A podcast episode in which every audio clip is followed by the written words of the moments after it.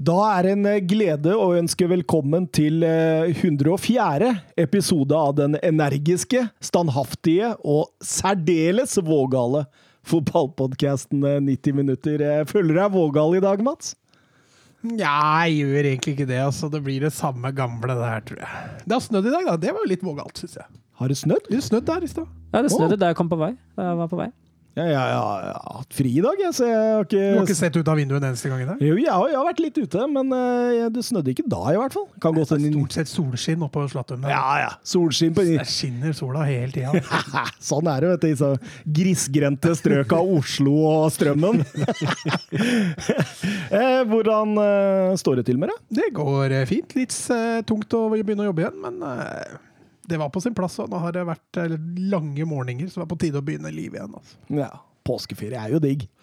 Ja, og så er det sånn mandagsfølelse i dag, så det, jeg satt lenge i dag og tenkte at det ikke var podkast. Eller jeg tenkte jo ikke at det ikke var podkast, men jeg venta på i morgen. da. Ja, Så det var liksom deilig, og så bare Oi, ja, men fader, det er bare i dag. Det er bare et par timer til! Jeg er konge. Hva med deg, Søren? Har du gleda deg til podkast i dag? Ja, veldig. Men uh, litt sånn samme som Mats, jeg satt egentlig og hadde litt sånn mandagsfølelse og litt sånn søndagsfølelse i går. Men det, det blir jo litt sånn når man har en hellig dag på en mandag. Deilig. Ja, ja. Deilig. Drev og klatra i fjell i går, jeg. Det var gøy. Ja, Ja, det høres gøy ut. Det var veldig artig. Eh, bør ikke snakke om det, da blir vi Fjellpodkasten, og det er ikke Nei, der har jeg ikke så mye å komme med, tror jeg. Eh, vi, men vi kan starte litt med noen Twitter-spørsmål, for det har hagla inn litt i dag. Og som vanlig, veldig hyggelig. Eh, Geir Halvor Kleiva han skryter av eh, vår eh, Giants 11 og Tiny 11 som vi hadde i episode 103. Eh, skriver 'fantastisk eh, elvere'. Eh, har dere samme oppfatning som meg om at små spillere har mye bedre ballteknikk og dribleferdigheter enn store, og hvorfor er det sånn? Mats. Ja, hvorfor er det sånn? Eh, Det ligger jo eh, litt i fysikken, selvfølgelig. altså, som vi har snakka om litt før vi gikk inn her, altså tyngdepunkt er jo viktig. Du har lavere tyngdepunkt. Eh, frekvens i beina spiller ofte en, en, en rolle. Um, pluss at eh, altså store spillere bruker gjerne litt lengre tid. Og du oppfatter de små spillerne som kjappere, og da gjerne også mer teknisk. Eh, Det er ikke sånn at eh, en spiller på 1,60 har bedre forutsetninger for å få bedre ferdigheter enn en på to meter. Eh, Men ofte blir det det i forhold til tyngdepunkt eh, og Ja, hva skal jeg si? Det ser i hvert fall sånn ut. koordinasjonsferdigheten òg, da. Altså, det tenker jeg på som en av tingene, at det, det, det er lettere for en med korte bein å, stable dem riktig enn en Ja. med lange bein. Ja, men det, altså tyngdepunktet er lavere. Og da er klart at det, da oppfattes det jo som kjappere. Um, samtidig, da, de små spillerne må jo ha noe å spille på. Skal de møte de store spillerne med samme tempo, samme, så har de jo tapt hver gang. Så de må jo kompensere. Så kanskje de har utøvd teknikken mer. Jeg så den, Det er en del år siden så den Barca-dokumentaren med Xavi og Iniesta, og, og hvordan Barcelona plutselig snudde om litt. At fysikk ikke skulle spille noen rolle. Hvordan de rekrutterte spillere. Uh, og måten de da trente Barca-spillere på, det, det var jo starten av 2000-tallet. uh, I forhold til det å når du mottar ball, hele tiden søke vekk fra motspiller. Og når du klarer å, å, å utøve det til en vane hos hver enkelt spiller, så spiller ikke størrelse noen rolle, vet du. Eh, men det er klart, ferdigheter på små spillere har jo fortsatt en, har jo fortsatt en forskjell kontra de store. Istemmer du, eller, Søren? Ja, jeg gjør det. Mm. Ja, det syns det var eh, kloke ord, Mats eh, Granvold. Det skal du ha. Takk. eh. Eh, Christian Boffen 10 på Twitter han eh, spør eh, gi meg topp tre fineste klubbhymner. Her er min liste. Sevilla, Real Betis og Roma. Søren? Ja, jeg har hørt faktisk på alle tre nå, og de, de er ganske fine, så de fortjener absolutt en eh, plass på lista. Eh, jeg har valgt meg tre andre. Eh, selv, om, selv om jeg ikke er Liverpool-supporter, har jeg alltid hatt sans for You'll Never Walk Alone. Det skyldes også litt uh, tysk fotballkultur og den manglende forståelse for den britiske fotballkulturen i nettopp den tyske fotballkulturen. Så Men er det ikke en i Tyskland som har You'll Never Walk Alone? jo, det er Dortmund. Dortmund, Men i, i Tyskland har man en oppfatning om at You'll Never Walk Alone er sangen for alle fotballsupportere, så den spi blir spilt opp og ned på man ganske mange arenaer. I Tyskland i Wolfsburg ble det også spilt en god, god stund da jeg gikk på stadion, så den har jeg ganske sans for. Alle spiller eh, You Never Walk Alone i Tyskland by. Nei, Tyskland by. Husker du den? Er det det? Nei, Nei, men jeg husker den med Glenn Hussein. Ja, Alle heter Glenn i Göteborg. Glenn i Göteborg. Alle synger You Never Walk Alone i Tyskland? Ja, det, det sånn? det, blir jo, det blir jo litt sånn altså, Den er jo ikke klubbhymnen til Dortmund heller, men Dortmund spiller den nok uh, før kamp. Eller? Celtic òg har vel Mm. Mm. Celtic spiller den også, men de har jo også en del andre. Uh, og så har jeg to tyske, Uh, selv om jeg ikke har så veldig mye til overs for HSV. Syns jeg klubbhymnen til HSV den er enorm. Den er fantastisk. Uh, var jo da, da den ble spilt De har, de har heisa han som har skrevet det, opp på en, på en sånn heisekran. Altså sto han foran, foran supporterne og sang den på gitar før jeg var hjemme. Kan Det være Det er det sjukeste det, det bildet jeg fikk nå! Det var noe med gestikulasjonen han dreiv med her nå. Det så ikke ut som Det er han litt- skrev- Litt synd ikke folk får det gjennom mikrofonen. På Søren spilte luftgitar. Har ingenting med gitar å gjøre, de bevegelsene han hadde der. Det var nydelig, altså. Og så syns jeg den til, den til Köln den er helt enorm. Den er helt fantastisk, og den, eh, den er høyt oppe på min liste. Og så antar jeg jo at mine egne Wolfsburg og Lillestrøm de fikk ikke lov å nominere, for ellers hadde jo de vært veldig veldig høyt oppe, de òg. Jeg er ganske enig med deg, ja, men altså, jeg, jeg syns Sevilla sin er kulest. Den er mektigst, den er stilig, det er noe med rammen, et eller annet der. Mangler fansen, bare. Ja, ja, ja, men, men når- de er der òg, hvis Ja. du går på YouTube og ser det, det er fantastisk. Fantastisk. Og, og jeg, jeg fikk eh, sett en, eh, en film fra Sevilla Derby. Ho, ho, ho, ho. Da var det kokt der, da. Tenk å ha vært der, da! Eh, Roma, helt enig, nydelig, men jeg vil smette Liverpool sin You Never Walk Alone inn der. Og da, og da tenker jeg først og fremst Liverpool sin, for det er et eller annet magisk de flomlyskveldene på Anfield når You Never Walk Alone går. Det er et eller annet. Eh, så ja Det er vel egentlig det jeg har å si til det. Ellers er jeg mest opptatt av det som skjer etter at dommeren blåser eh, kampen i gang. Ja. Du slår ikke av når himmelen er ferdig. Ha, har du noen uh... Nei, jeg har ikke Altså, jeg er enig i dere. Sevilla sin syns jeg er strålende, og så kan jeg snakke ned Barca sin, for den er jo ikke Ja, den er nesten komisk. Den er ikke mye bra, ass. Ja, men Tottenham altså, de, de driver og spiller en eller annen eh, melodi fra Star Wars. Ja, det, det, det fenger ikke meg helt, altså. When the Saints are marching in, uh, spiller de ikke den nå? Saints? Nei, not Saints. Ja, altså When, Ja, when the Spurs go marching den, ja, den? Helt riktig. helt riktig. Det var derfor det var litt morsomt. Det var derfor jeg surra det. Men eh, vi har så mye mer peil på fotball enn vi har på klubbhymner, så vi kan egentlig rusle videre. Men, men det er jo et ikke fotballrelatert spørsmål vi får på Twitter eh, denne gangen òg, men et veldig morsomt et. Jeg hylla det. Eh, Det er uh, vår kjære Anders Hansen på Twitter uh, som uh, spør jeg, vil jeg vil høre vår Kjøre? vår kjære Søren Skare sikkert stå. eh, prøve seg på en lita 'Jeg hater ingen-test'.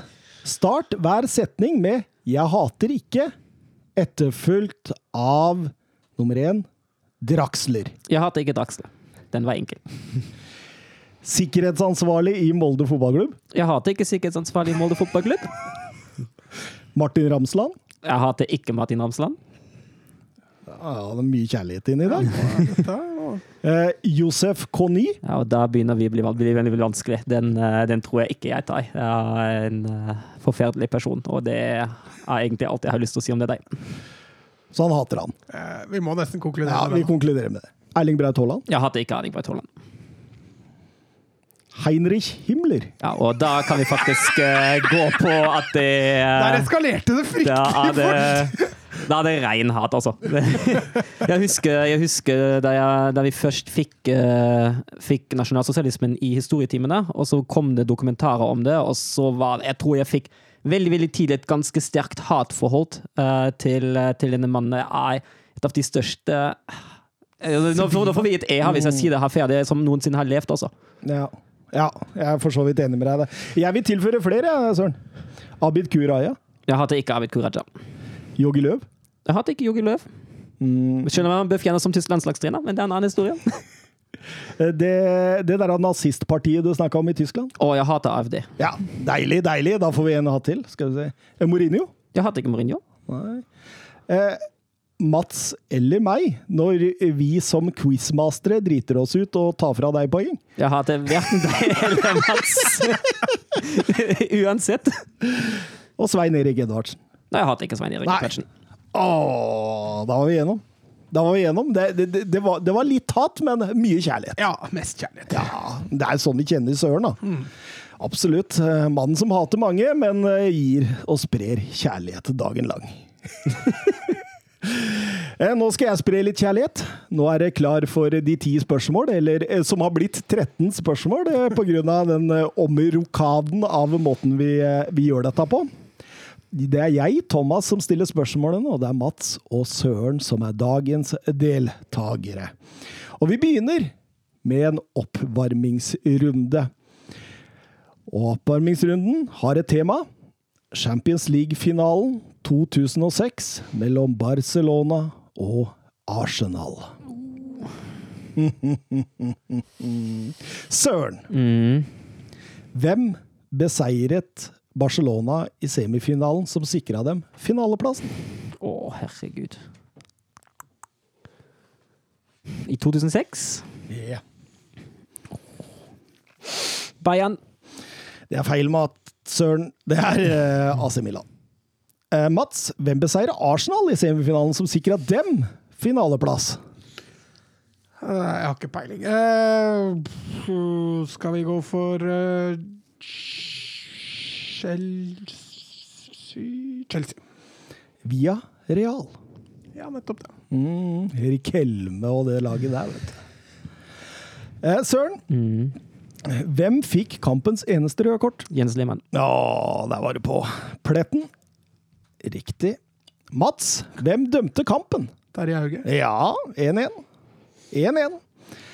Søren, hvem skåret Arsenal sitt mål i første omgang? En ledelse som holdt helt til 76. minutt, til tross for én mann mindre på banen. Thierry Henry.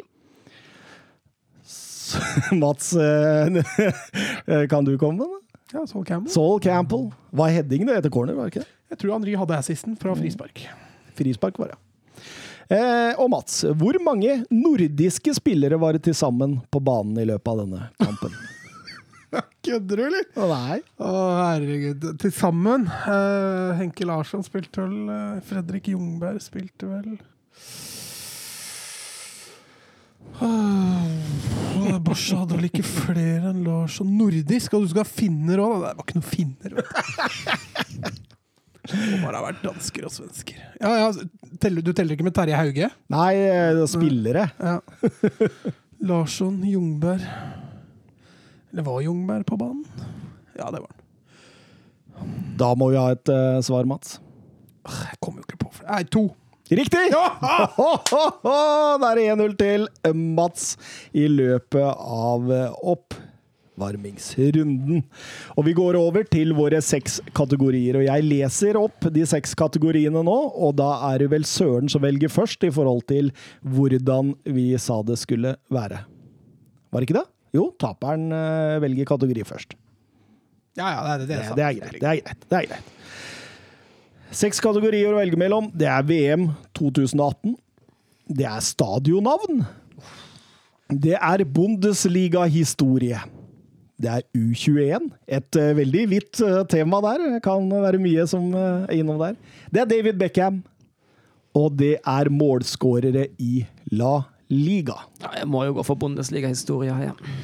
Ok, ok, Søren. Da får du spørsmålet. Hvilket lag ble den første mesteren i Bundesliga etter oppstarten i 1963? Köln. Åh, sterkt, sterkt. Da får du spørsmål Hva nummer to. het treneren til Köln?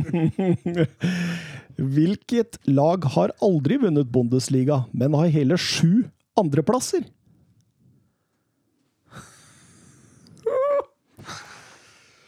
Sju andreplasser. Leverkosen har vel aldri vunnet. Det må være Leverkosen. Nei, jeg sier Leverkosen, jeg. Det er feil. Schalke. Det er riktig, Søren. Da har Søren to poeng her. Mats, kategori. Beckham.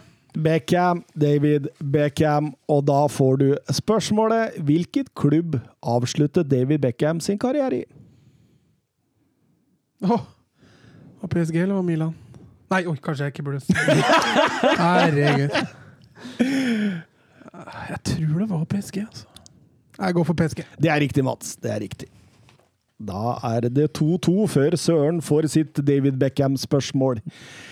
David Beckham eh, var en del av det berømte Class of 92, en rekke unge spillere som startet på United-akademiet i 1992 under Eric Harrison og blei verdensstjerner. Kan du nevne de resterende fem medlemmene? Alle fem. Paul Scholes. Ja. Ikke si ja, vet du hva. Jeg får jo Mats hjelp når jeg ikke klarer det. ja, ok.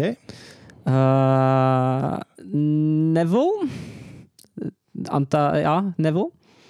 Så har vi Åh, uh, hva heter han? Han uh, heter han ikke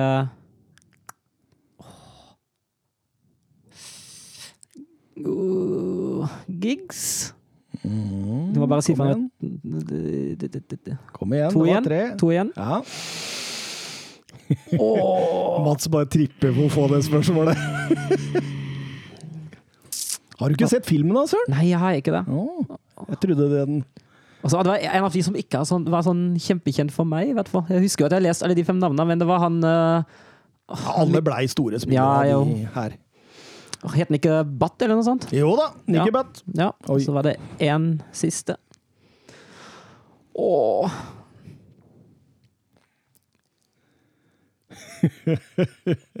De var, brit, de var britiske alle sammen, ikke sant?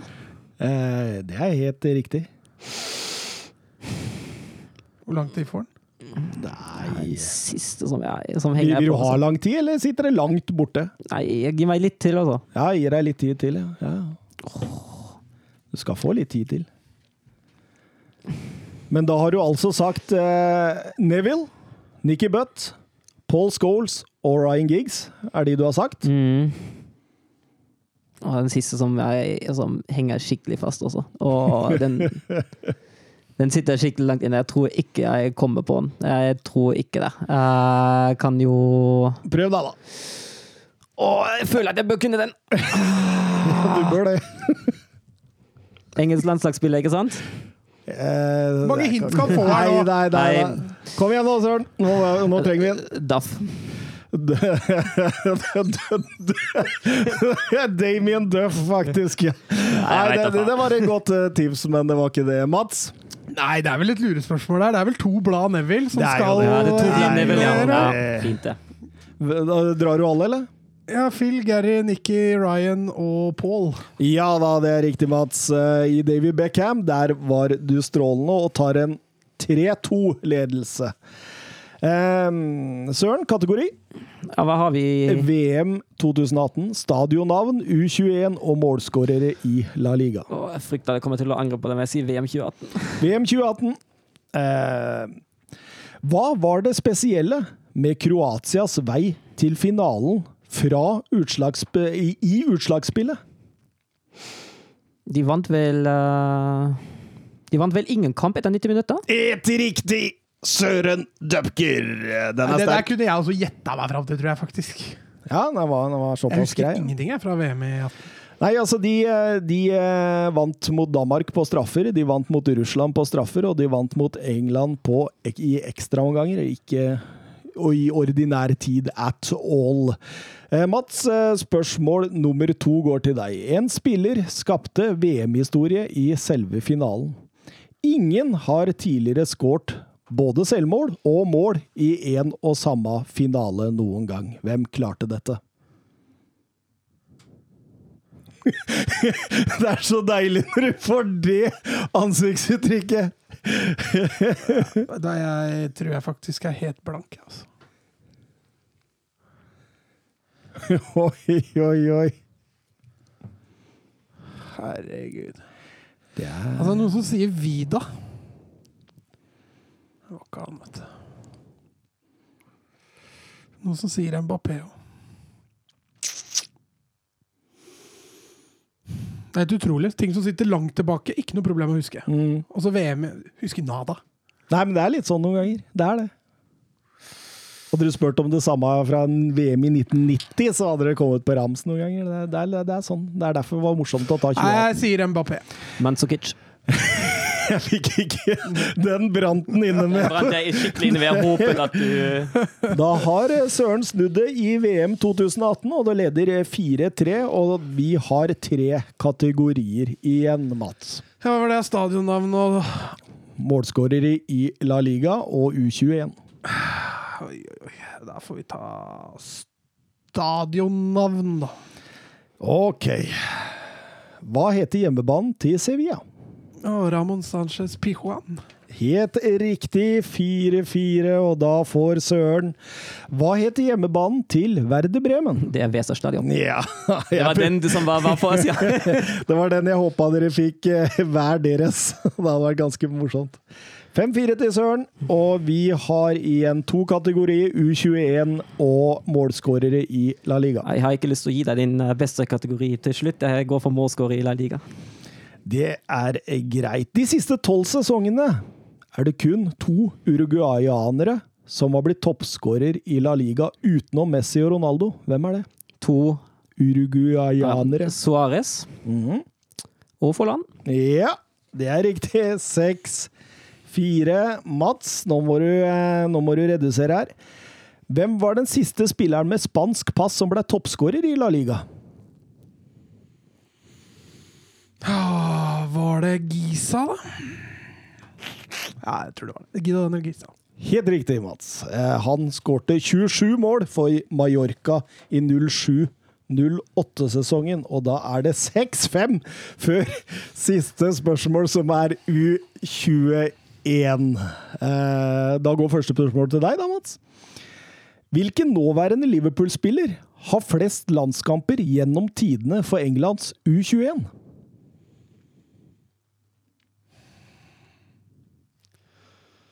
Oi, oi, oi. Hvilken nåværende Liverpool-spiller har flest Det må jo bare være Nei, det kan være han andre òg, ja. gjennom tidene Åh, står det mellom to stykker. for England U21? Jeg Tror det må være han, altså. Kan være han andre. Nei, jeg svarer James Miller. Riktig, riktig, riktig, Mats. 6-6.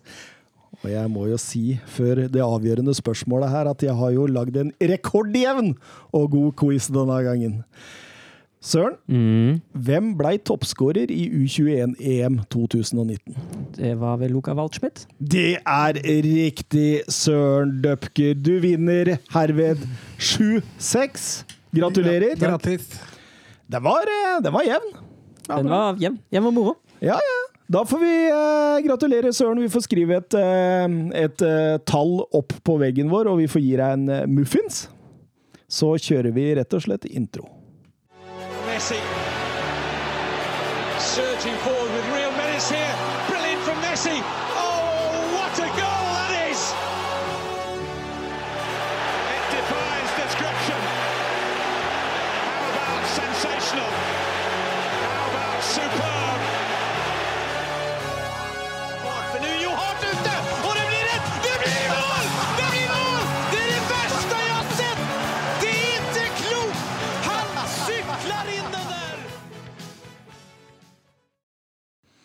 Ja, ja, ja, da var vi tilbake, og vi skal rett over til Balløya og kampen mellom Chelsea og West Bromwich Albion. Eh, Forventningene til denne her var vel at dette skulle bli grei skuring for eh, Tuchel og, og co., men eh, slik ble det ikke, Søren. Nei, slik ble det ikke. Og det ble jo egentlig ikke slik fra start. Jeg syns Chelsea starta veldig rotete, særlig i frispillinga. Det blir en god del uh, pasningsfeil, unøyaktigheter. eh, mens jeg i det motsatte ende syns at A har en, uh, har en fin start. Jeg syns de står godt og høyt. De står ikke veldig aggressivt, men de står godt og stenger godt av. Jeg syns de står ganske høyt, jeg. Overraskende høyt, egentlig. Til å være Sam Allardyce, tenker du på? Ja, Til å være på Stamford Bridge og hete Sam Allardyce og spille med West Bromwich, jeg hadde ikke forventa et såpass offensivt eh, VBA-lag. Men han hadde satt på en liten sånn løperekke foran der, da, med både, med både Phillips og Pereira og Robinson. Så det, det, det er jo spillere med frekvens i beina, og det kan godt hende eh, Big Sam tenkte at eh, At eh, dette Chelsea-laget det er ikke voldsomt godt under press. Nei, Robinson kom vel inn, men at han ikke starter Han skårer jo bare mot Ja, ja. Chelsea. Han gjør jo det. Så han burde jo egentlig spille fra start mot dem uansett. Og så denne svære Diagne på topp, da. Han, er litt vanskelig å hanskes med, liksom. Giant Eleven. Burde Ja, vært det, han kunne nesten vært der, så. Ja. Men, men eh, det tar jo likevel ikke lang tid før Chelsea liksom får rista det litt av seg og kommer litt mer, får litt mer trykk på ball, får opp bekkene, Alonso og Reece James der, og, og setter jo 1-0 ved Pulisic. Eh, og og da, da tenker man jo at dette her kommer jo til å gå greit. Ja, var vel retur på et frispark der. Pulisic oppfatter det mye kjappere. Eh, Det er mål man ikke skal slippe inn når du spiller borte mot Chelsea og skal eh, forsvare deg godt. Så det er fryktelig unødvendig av EBA. Eh, Samtidig litt lettelse for, for Chelsea, og man tenker jo at dette er en liten ketchup-effekt. Men så hørte var det kommentatorer som sa det, at Chelsea har ikke skåra mer enn to mål en eneste gang under Tuchel. Nei, men sli I, i ligaen? Ja. Det kan nok stemme. vi slipper jo ikke inn heller, så det Nei da, det, jeg, jeg gjør ikke noe, men eh, ja, jeg bare reagerte på det. Nei, altså Inntil denne kampen her så hadde de jo ikke sluppet inn mål Nei. på Stamford Bridge uh, i Premier League, så det Snakk om ketsjup-effekt, men det kommer vi tilbake til. Fordi Tiago Silva han pådrar seg to gule kort på kort tid. og Var det litt strengt det siste gule, eller? Altså, Veldig mange dommere eh, ville vegra seg for å gi det andre gule der. Det er i overkant strengt, men det er absolutt forsvarlig pga. farta han kommer inn med der. Han timer jo egentlig feil. Han kommer for nære motspilleren når han takler med den farta han har. Så urutinert takling av Tiago Silva. Eh, samtidig, hadde jeg vært Chelsea-supporter, så hadde jeg følt at det der var i overkant strengt, tror jeg. Og eh, Norgedødaren, om vi kan kalle det det, Jokuslu, han eh, tyrkeren, han gjør jo det aller, aller mest meste ut av situasjonen nå.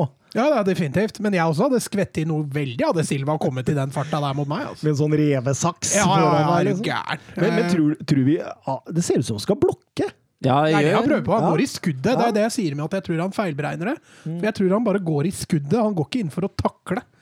Og så feilberegner han sin egen fart og, og hvor han takler. Så jeg, det er rett og slett urutinert, syns jeg, av David, eh, David Silva. Tiago Silva. Og, og, da, eh, altså, da velger Tuchel å fortsette med Trebekslinja og kjøre en slags sånn der eh, 5-3-1. Ja, og den, re den reagerte jeg litt på. Uh, jeg reagerte litt på Altså, nå hadde Siek riktignok en, uh, en svak kamp fram til. Jeg syns han uh, rota bort en god del lovende overganger og var fryktelig fryktelig upresis, særlig i uh, motstanderens halvdel. Men jeg hadde godt å få en 4-4-1 i den situasjonen. Eh, blir jo veldig håpløs situasjon de, de to vingbekkene blir satt i defensivt. Sverger virkelig til wingbacker når du ikke tar av én og gjør om til fire bak der, altså. Ja, jeg syns jeg også stussa litt på den. Jeg tror kanskje det er et av de dårligere valgene Tuchel har tatt så langt under sin Chelsea-karriere. Han blir jo Nå har ikke eh, analysert den kampen så grundig at han kunne peke på, på hva det var, men eh, jeg tror nok ikke det der var en, et genistrek, i hvert fall. Nei, og, og, og jeg syns jo VBA fant jo rom hele tida, både foran stoppera og bak eh, bekkene. Som eh, Altså de- De bekkene lå jo unaturlig høyt i forhold til at du leder eh, kampen og har én mann mindre. Og Men jeg tror nok Chelsea var offensiv i hodet. At de, de ville Ja, fordi, fortsatt for- fram. De for ville det- ikke ta hensyn til at de For var det en bølger jo etterpå. Ja, altså De ville ikke ta hensyn til at de var en mann mindre. Eh, og tenker vel kanskje at motstanderen er såpass svak at det bør vi klare for det. Arrogante Chelsea? Arrogante Ja, Chelsea, eller? det kan jo godt tenkes. Ja. Altså at man, at man sitter litt med den følelsen at nei, vi har jo vi har så god kontroll defensivt, vi slipper jo ikke inn uansett når det går så bra. Uh, og så tenker man litt for lite hensyn defensivt, som Mats sier, og litt for, my litt for mye hensyn offensivt. For før pause der så sier de bang, bang, og så ligger de under 1-2, og det er Mateus Pereira som er eh, Dødaren. Ja. Han, eh, han våkner skikkelig når eh, Chelsea blir én mann mindre. Den 1-1-gålen der er jo katastrofe forsvarsspill. Altså. Keeper med assist på en lang ball der. Hele forsvarsrekka støter ut. Eh, Mateus Pereira starter dypt i banen, som gjør at han er jo langt ifra en offside, men det er jo forferdelig forsvarsspill når du ikke tar ut dybden der for å ta den ballen før den spretter. Altså. Ja, jeg tror jeg ikke noe særlig bedre.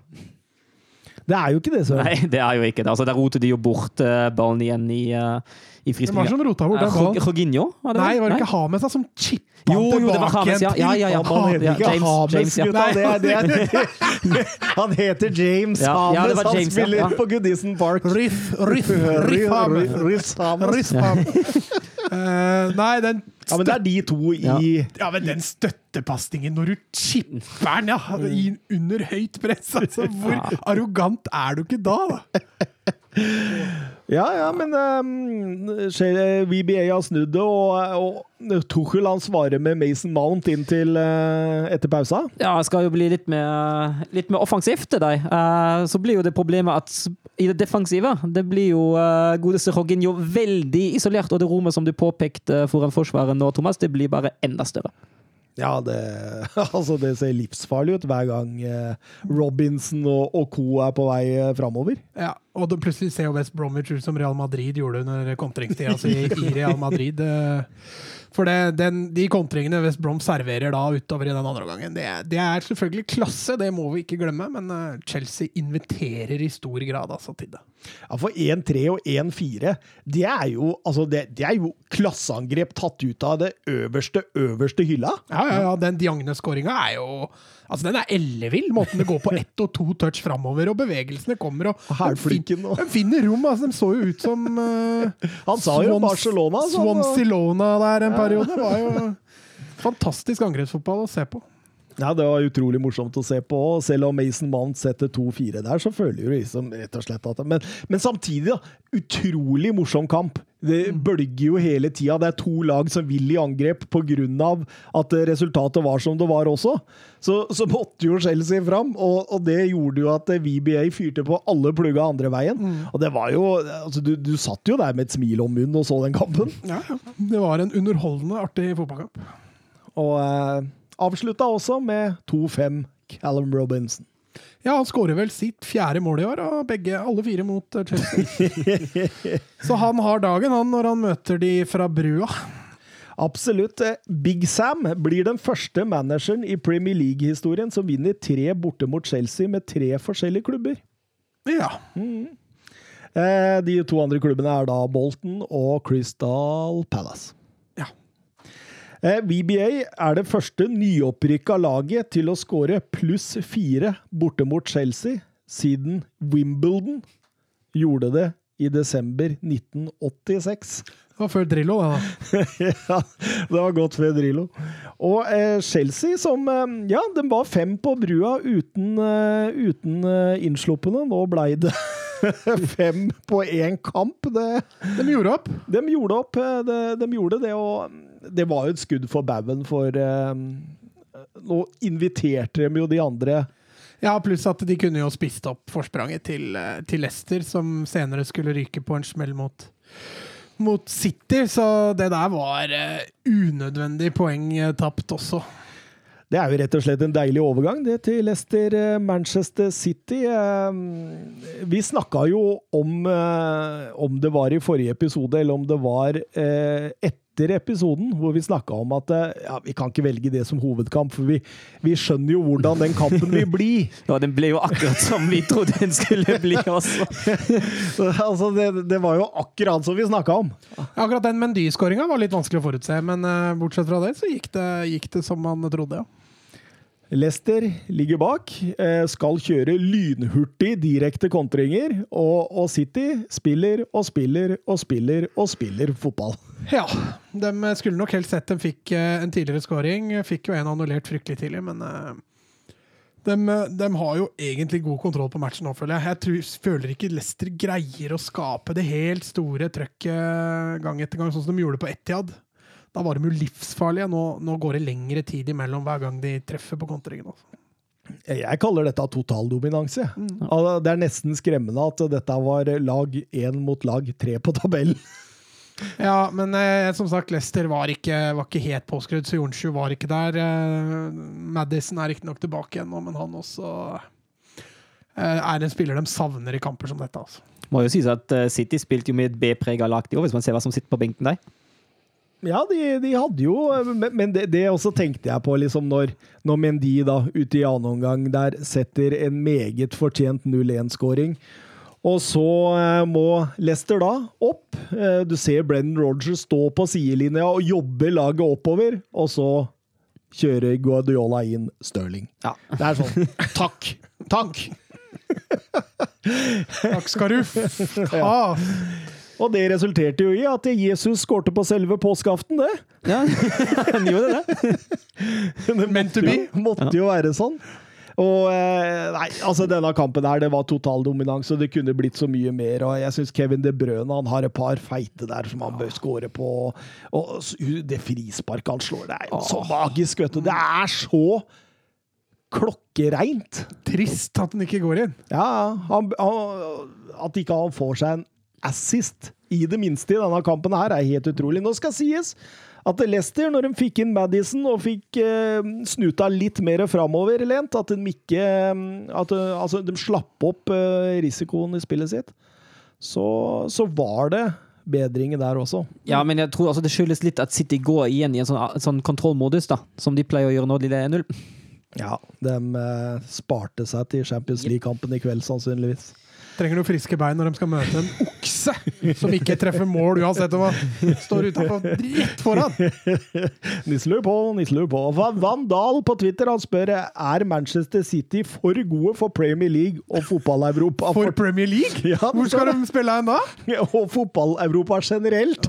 Han vil rett og slett ha dem ut. Skal vi ha dem vekk? Ja, ja, nei, Får prøve seg i Brasil. Ja. De holder vel høy standard der òg. Men, men han skriver videre her eh, det klarer de til tross for mangel på en Lewandowski, Kane, Benzema-type. Eh, hvis de hadde hatt en slik spiller, ville det ikke da rett og slett vært urettferdig? Ja, det kan man si. Ville ha vært urettferdig. Det kunne blitt stygt for en god del andre lag, altså. Ja, altså det Altså, eh, nå hører jeg noen rykter om at de skal prøve seg på både Haaland eh, og Kane.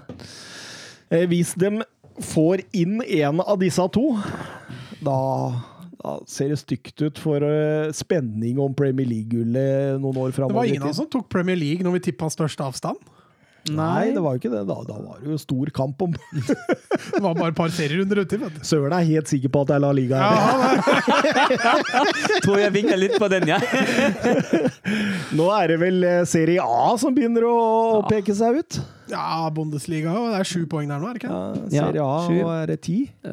Premier League er ved 11, er det ikke? Hvis, City, Nei, hvis. Er United, hvis United 17 Nei, 14 nå, men United tar en kamp igjen, Ja, okay. tror jeg. Okay. Ja, og United de kom vel ikke noe særlig nærmere, tenker jeg. Eh, Jørn Henland, alle tre, eh, spør han på Twitter, legg hodet på blokka, og eh, kom fram til hvor Aguero ender opp, og hvem erstatter Aguero? Blir det Jesus eh, som eh, blir erstatteren?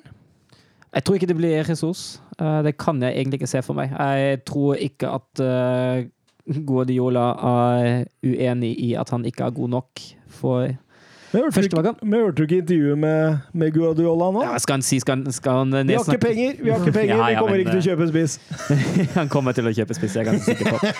Um, altså hvis, hvis, hvis, hvis jeg tenker rent spillestil, altså både Haaland og Kane som du sier, hadde jo passa jo utmerket. Kanskje Kane enda litt bedre med tanke på den, spillen, eh, altså med tanke på den stilen som, eh, som City kjører. Men uh, Han har jo et større repertoar, Mm. Kane, enn det Haaland har, og det kan jo passe i City-systemet, tenker jeg. da. Jo, men jeg tror også han vil ha inn en spiss som er mer nummer ni òg, jeg. Den Og da der blir det måten Haaland, liksom. City jobber ballen inn i boksen på.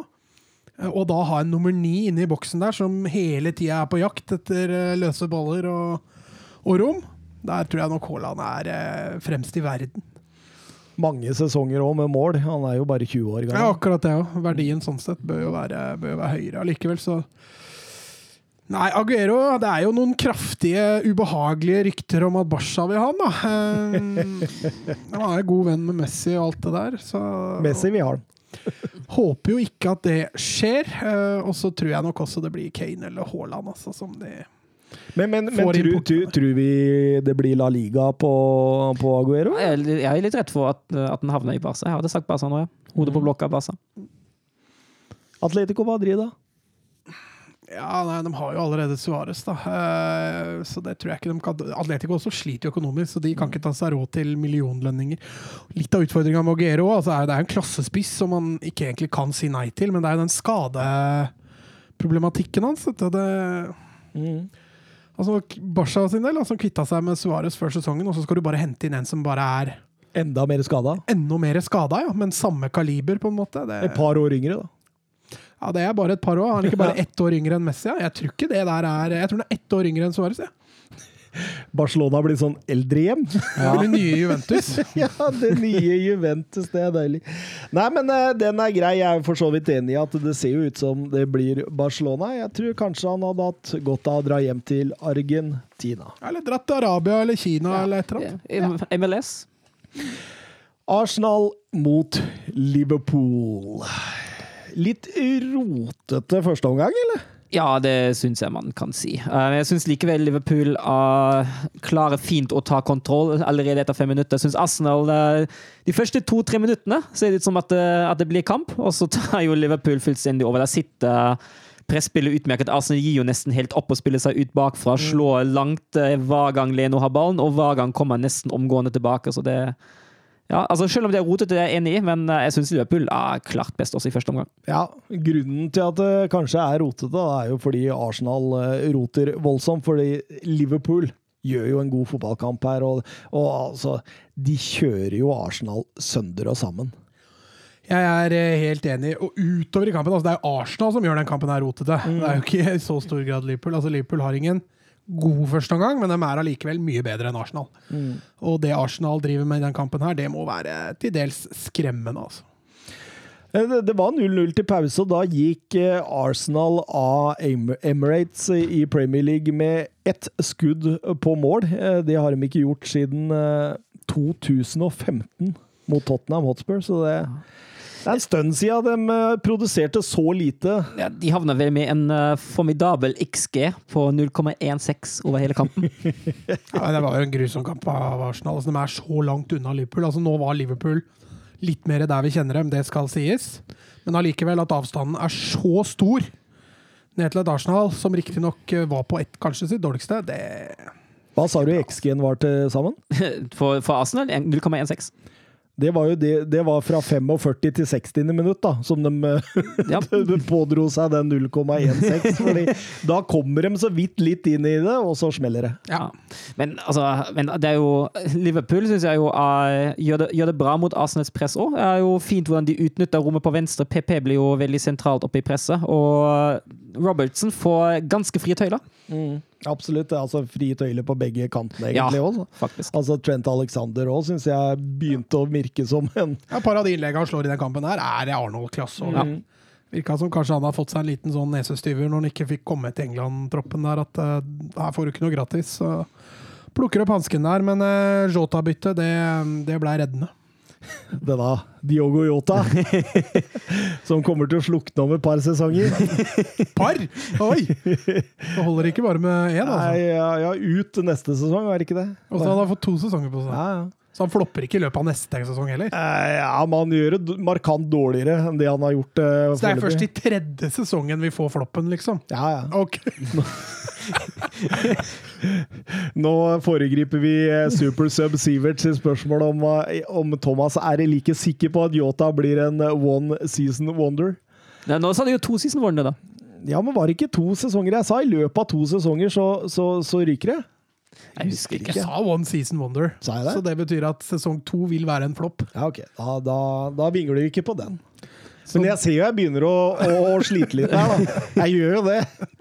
Men, men samtidig så, altså, så må jeg bare stå på det jeg mener. Altså, fordi jeg, jeg ser ikke det helt store bruksområdet for den i Liverpool, egentlig. Selv om han viser meg det motsatte hver eneste Jeg syns han har shown proved at han, eh, han faktisk kan brukes der. Ja, for han setter 0-1 eh, Sala rett etter med 0-2, og da har jo Liverpool full kontroll. Ja, de har jo det. Eh, altså når, man, når, når, når, Jota setter 1-0, da sitter man jo og tenker ok, denne kampen har egentlig kjørt. Man ser egentlig ikke for seg at Arsenal skal komme tilbake etter 1-0 engang. Absolutt. Nei, og så skal han eh, begynne å gjøre noe genialt fra sida der. En Abomeyang med ny sveis. eh, Fiksa Det er det sjukeste jeg har sett! bra, det. Han så ut som Gollum. Ja. Eh, han fiksa ikke dette. Martinelli, som har vært ute med skade, kom tilbake. Kanskje burde det byttet vært gjort uh, enda tidligere. Martinelli fikk ikke til så mye, han heller. Så det sier jo litt om Arsenal og hvor de pleide å spille på banen i løpet av den kampen. her. Ødegaard fullstendig anonym.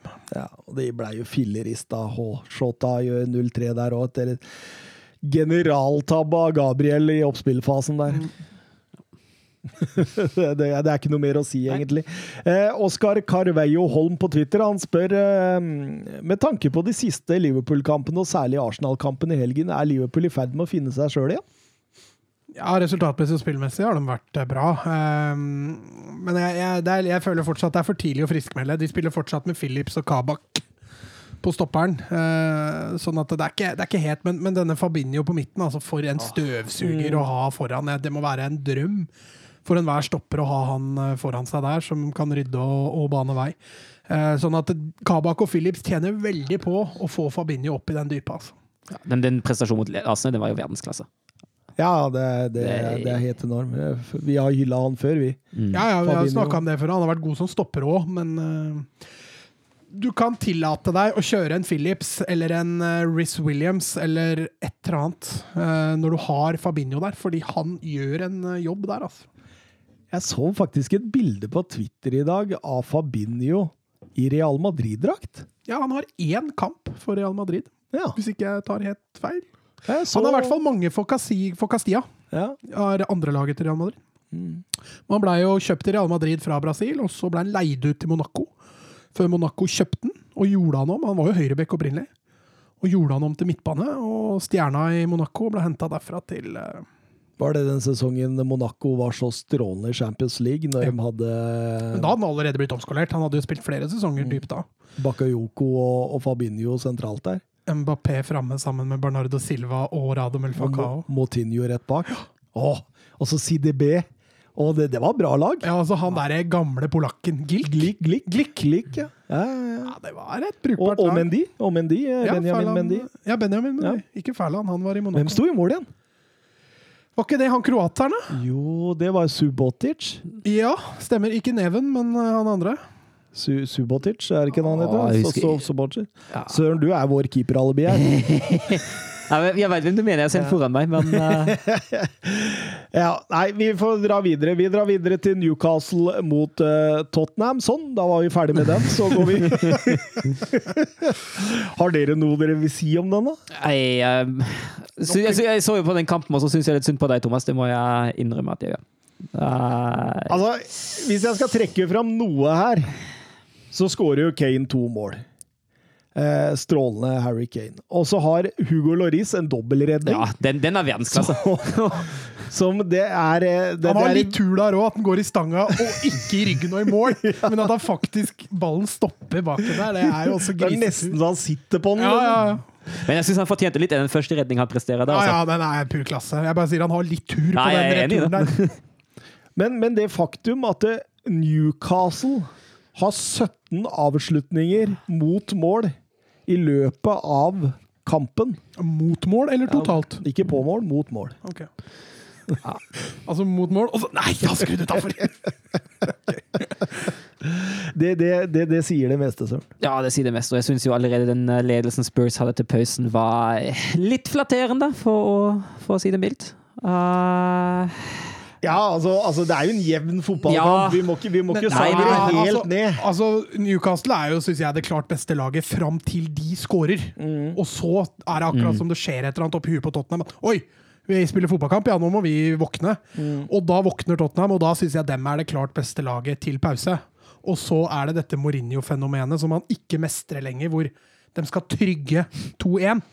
Og dette slår jo altså feil gang ganske, på gang på gang. Hvor han går ganske klart ut og sier at Men jeg ber dem ikke om å legge seg. Det sa han igjen denne gangen. Ja, ja. ja litt, jeg skulle han kaste litt spillere, akkurat som han dreiv med nede i Kroatia der òg. Men, men, men, men da tenker jeg jo det at eh, Altså, det, det handler jo om eh, et system også når du blir satt under press. Hvordan du spiller av deg det presset og diverse sånne ting. Er det det som mangler, da? At Tottenham-spillere er for dårlige når motstanderen girer opp? Altså Litt av grunnen til at du blir lavt, er jo ofte at du enten blir spilt lavt, at motstanderen spiller deg lavt, eller at du er dårlig trent. At du ikke orker å komme opp i press, rett og slett. Uh, frispillingen er jo selvfølgelig én ting. Du kan være dårlig til frispilling, og at du da mister ball på vei fram, men, men der tror jeg ikke problemet ligger. Jeg tror Tottenham har en litt sånn mental greie om at de, de slipper seg litt for ofte ned. Kanskje litt oftere enn det som er planen. Uh, og så sliter de mentalt med å omstille seg, rett og slett. Med å komme seg ut. Eh, men det er ikke noe, jeg tror ikke dette er noe god management heller av Mourinho. Drive og kaste spillere under bussen. Gang Hver på gang. Ja, hver gang gang det går dårlig, Ja, liksom. Eh, for han, han mister jo respekten til spillere. Han mister fortroligheten sin overfor spillere etter hvert. Og kan ikke fortsette sånn. Og så synes Det høres rart ut at han sier han ber dem ikke legge seg. Jeg tror ikke han ber dem til å presse skyhøyt og, og gå i strupen på Newcastle heller. Så et eller annet må det jo være. Ja, altså Han er inne på det at han eh, er eh, en utmerket eh, trener på å organisere forsvar, men og, og får da spørsmål om ja, men hvorfor klarer du ikke med dette laget, liksom. Og da, da, det vil han ikke svare på. Nei, altså Han har jo variert veldig. da. I Chelsea, husker jeg, så hadde han et stoppepar som han sto ved veldig ofte. Han, Terry og Cavario. han rullerte veldig sjeldent, Uh, mens i Tottenham så har det rullert voldsomt. Altså Davinson Sanchez spilte en del i starten, så ble han plutselig vraka lenge. Uh, Aldevirel er jo tydeligvis ikke god nok, holdt jeg på å si. Eller han er ikke Han er en av de som er blitt kasta under bussen etter Europacupen. Ja, også, men, men han også tror jeg ikke kan spille mange kamper på rad. Han må hviles. Eh, Dyer eh, er plutselig ute. Rodon hadde jo for så vidt en OK kamp nå mot Newcastle, syns jeg. Men eh, han sliter også med å få den tilliten. Og Tanganga, da, som kanskje viser seg å være en av de mer positive, han dytter dem ut på høyrebekken. Så han sliter med å sette en, L, en forsvarsrekke og stå ved den. Men øh, når det er sagt, da, så altså, Dette er jo et Tottenham-fenomen. Og Kane har jo et par brukbare sjanser der. En i stolpen kan sette 1-3. Og så er det jo selvfølgelig sånn da, at det mot slutten da taper Tottenham massevis av poeng, mest i Premier League. Det var sjette kampen denne sesongen hvor de har leda til pause og gitt fra seg det, det er desidert mest i hele ligaen. Eh, Så det, er- det er jo et eller annet som skjer der. eh, Mentalt dårlig trent. Ja, nei, det Kanskje en god kombinasjon av begge deler? Kanskje. Jeg, jeg tror det er mest mentalt. Jeg tror det har vært veldig mye fokus på defensivt eh, organisering på trening. At det er det de bruker mest tid på. Da blir det litt sånn i kamp òg, at du, du legger deg lavere. For det er det du trener på? Det er det du trener mest på. Eh, greit, vi skal ikke stå høyt og presse, for det har vi ikke gjort noe særlig på trening. Da går vi lavere. Da hjelper det ikke at treneren står og prøver å forklare hvordan de skal presse høyt i pausen. Og det, det er jo nesten en fallitterklæring når eh, Arsenal-leiesoldater Joe Willoch setter 2-2 fem minutter før slutt. Du tror jo nesten ikke dine øyne da. Eh, det blir et spørsmål på slutten, men eh, 2-2 det er, Da kunne du havne helt oppi ryggen på Chelsea. Ja, men allikevel, altså. Her sitter vi og graver Tottenham ned i gjørma. De er to poeng bak Champions League. Og spiller ligacupfinale i, i mars. Ja. Kanskje det er Mourinho til som som sitter og ler. Sitter han her med ligacuptrua, slått City Nei, veit du hva, det der kan du ikke. Altså, det formene de to Så du for deg nå Tottenham skulle slå City? Tenkte de to, altså I hvert fall sånn formen til de to lagene er nå, så er jo det vanskelig. Men at Tottenham plutselig, fordi alle lagene rundt snubler jo dem òg, så det kan ikke Det er ikke helt utenkelig at de faktisk greier topp fire enn så lenge. Petter Støland på Twitter. Mourinho må ut. Stiller dere spørsmålet hvor hadde Tottenham vært uten Harry Kane i dag? Championship? er, det, er det lov å si? Nei, det, det, det var litt drøyt. Ikke litt drøyt, men eh, det hadde ikke vært eh, i nærheten av topp fire engang. Det hadde vært i si- nærheten av topp seks engang. Altså. La oss si Kane ble skada i sommer og vært ute hele sesongen. Hvor hadde Kane vært? Nei, hvor hadde Jeg, vært? jeg, tror det hadde vært, jeg tror det hadde vært uh, Midt på. Ja, midt på, men jeg tror, jeg tror heller bak tiende enn over tiende. Altså. Jo, men, jo, men midt på, altså hvis du ser på tabellen, da. Eh, hvis du ser Arsenal midt på, de har 42 poeng, og så ser du Tottenham, da. Det, det, er, det er bare sju poeng. Ja, men sju Tror poeng. du, sju, po- tror du bare hadde tapt sju poeng? Nei, det, det tror jeg nesten ikke. Det spørs jo hvem som hadde spilt der isteden, da. Ja, det blir jo Carlos Venicius, da. Ja Det er vanskelig å si. Det er, det, det er jo så utopi å drive og snakke om dette her. Jeg tror de hadde ligget enda litt lavere. Jeg tror fort en tolvte, kanskje. Tror du det? Altså- Med det mannskapet, liksom? Det hjelper jo ikke, han bruker dem jo ikke. Nei. Det er jo bare Kane og Son han bruker. Så det er Mourinho som er eh, grunnen til at Ja, men dette har jo sagt hele tiden. Jeg og Søren har jo vært på lag om dette hele tida. Nei, søren har vært det. Du har ikke det. Eh, Hvis Premier League-kampene hadde hatt eh, kun én omgang, så hadde Tottenham ligget på andreplass i Premier League. Så det er stikk motsatt som United, Ja. da. Det spørs hvilken omgang. da. Hadde de bare spilt andre omganger, så hadde de vel ikke gjort det. Da er det nedrykk. Eh, og Kane har 84 bortemål i Premier League. Det er den meste i historien. Tenk det. Ja, Han scorer. eh, går vel forbi Aguero snart, gjør han ikke det? Nei, Aguero som ikke kunne gå forbi Wayne Rooney eller noe sånt. Ja, men det er vel seks-sju mål opp til eh, Tror jeg var Andy Cole, var det det? Ah, Nei, nei, Vi går videre til Manchester United Brighton også. eh, altså, Da kommer jeg til å tenke på De Gea tilbake, på benk. Ja. Er, vi vitne til uh, kronskifte i målet nå? Det vil i så fall være litt drøyt, syns jeg. Skal de sette, altså De Gea har vel fire-fem millioner i uka. Best betalt i United. Skal de ha han på benken? Det, det er tøft gjort, i så fall. Men det er klart, du kan ikke la pengene bestemme hvem som skal stå i mål, så mm, Men jeg syns Henderson Jeg synes ikke han er 100% pålitelig, altså. Nei. Det er ikke De Gea heller, for så vidt. Så. Det er kanskje greit å begynne å matche Henderson litt oftere nå enn det, det man har gjort. Ja, eh, Brighton eh, Overraskende dype, egentlig. Jeg hadde forestilt meg at de skulle stå høyere, men det, det var jo et fyrverkeri når de gikk framover i banen. Ja, de, når, de først kom, når de først gikk opp, da kom de opp skikkelig. og Da, der syns jeg også de sto godt etter. Det var gegenpressing, det var jo på plass, for all del. Eh, og så fikk de jo en litt takknemlig jobb i første omgang ved å forsvare seg dypt. Det var jo ekstremt statisk, eh, det United presterte. Det sto vel eh, fire mann i sentrum eh, ved forsvarsrekka og venta på at den bare skulle komme, men bevega seg veldig, veldig lite. Ja, det starter bra for United. De ti første minuttene er bra. Og så, når Brighton begynner å kontre, så ser det ut som United blir litt stressa.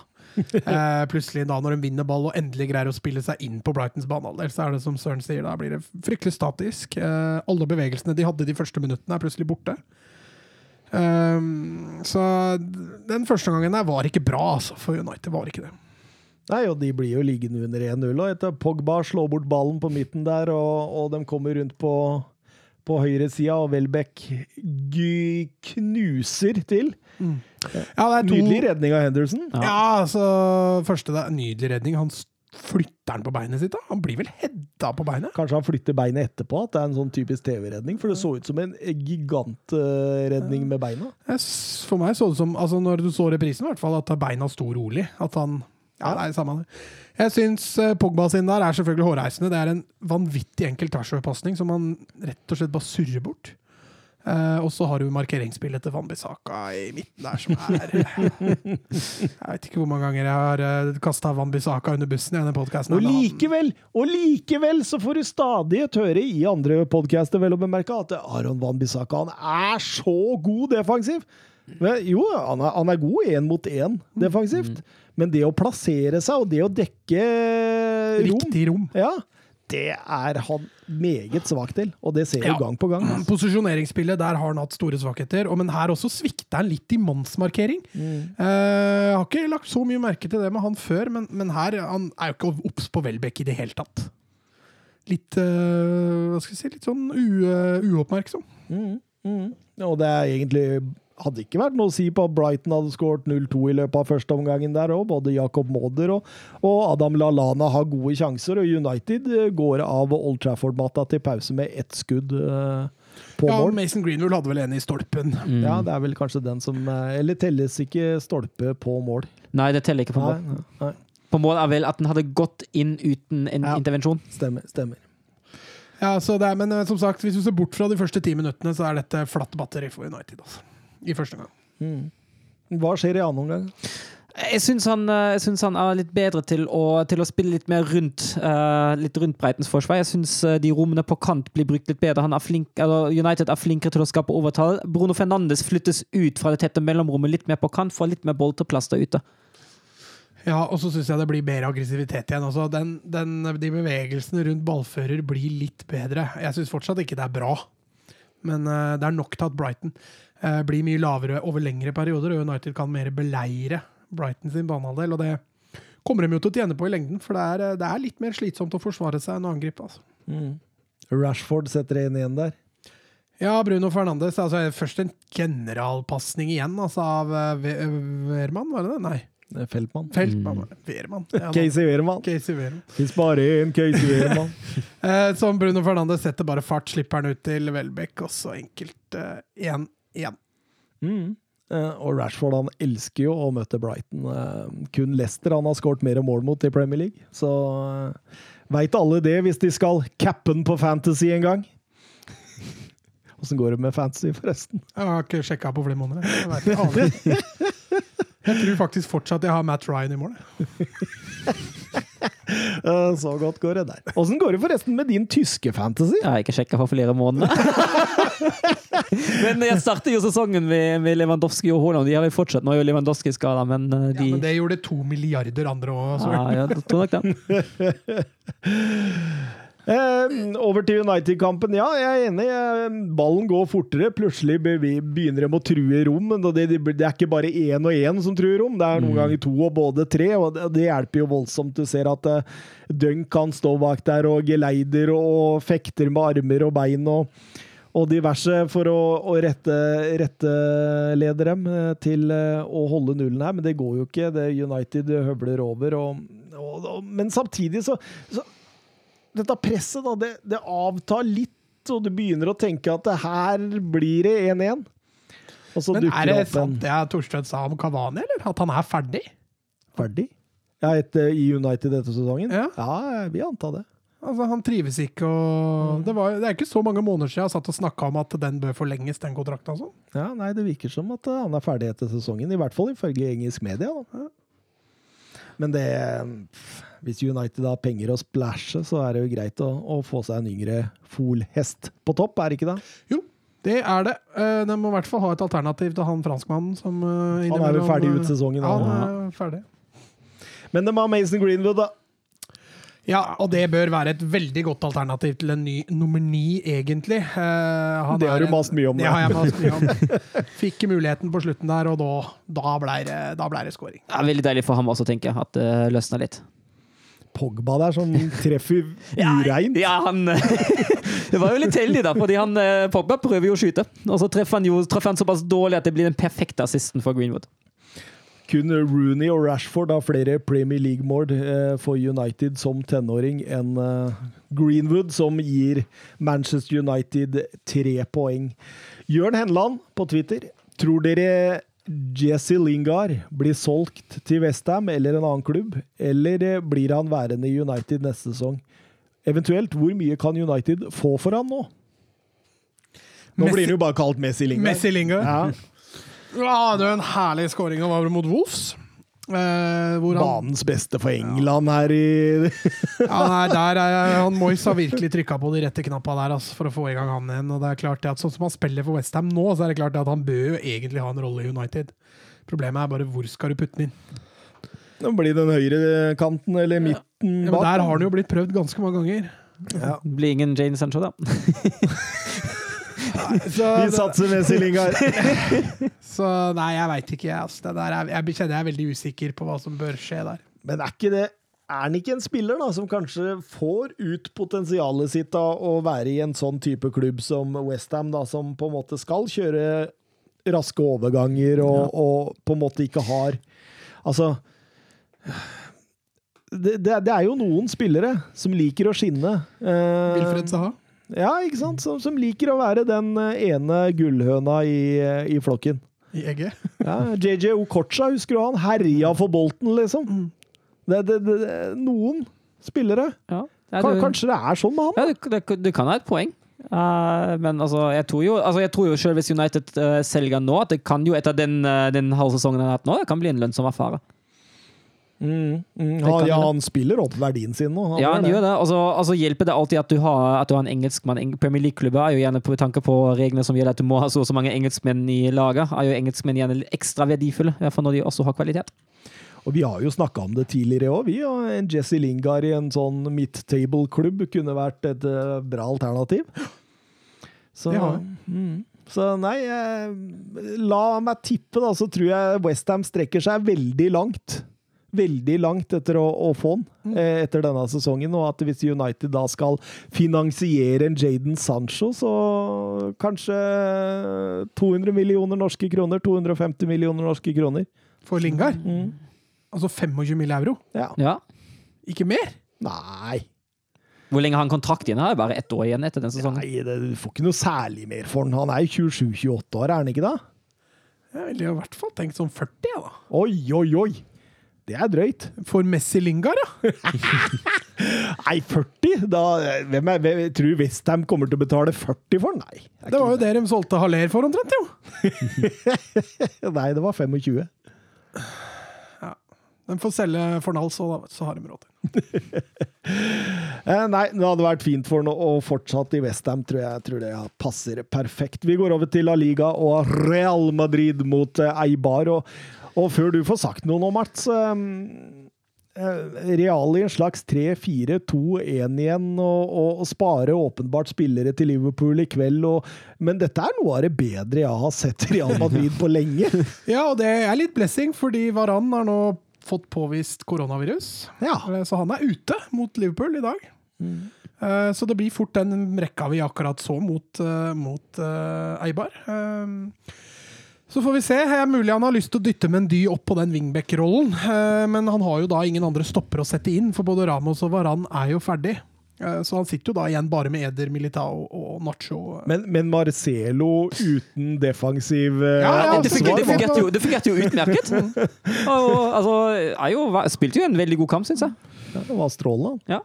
Ja, så får han jo hvilt eh, Kroos også, kommer riktignok inn. Eh, så den, den er viktig, men eh, Men Ascencio og Isco òg, mer sentralt Mm. i banen bak, eh, bak eh, Benzema. Ja. Eh, plutselig så så jo de ut som fotballspillere òg.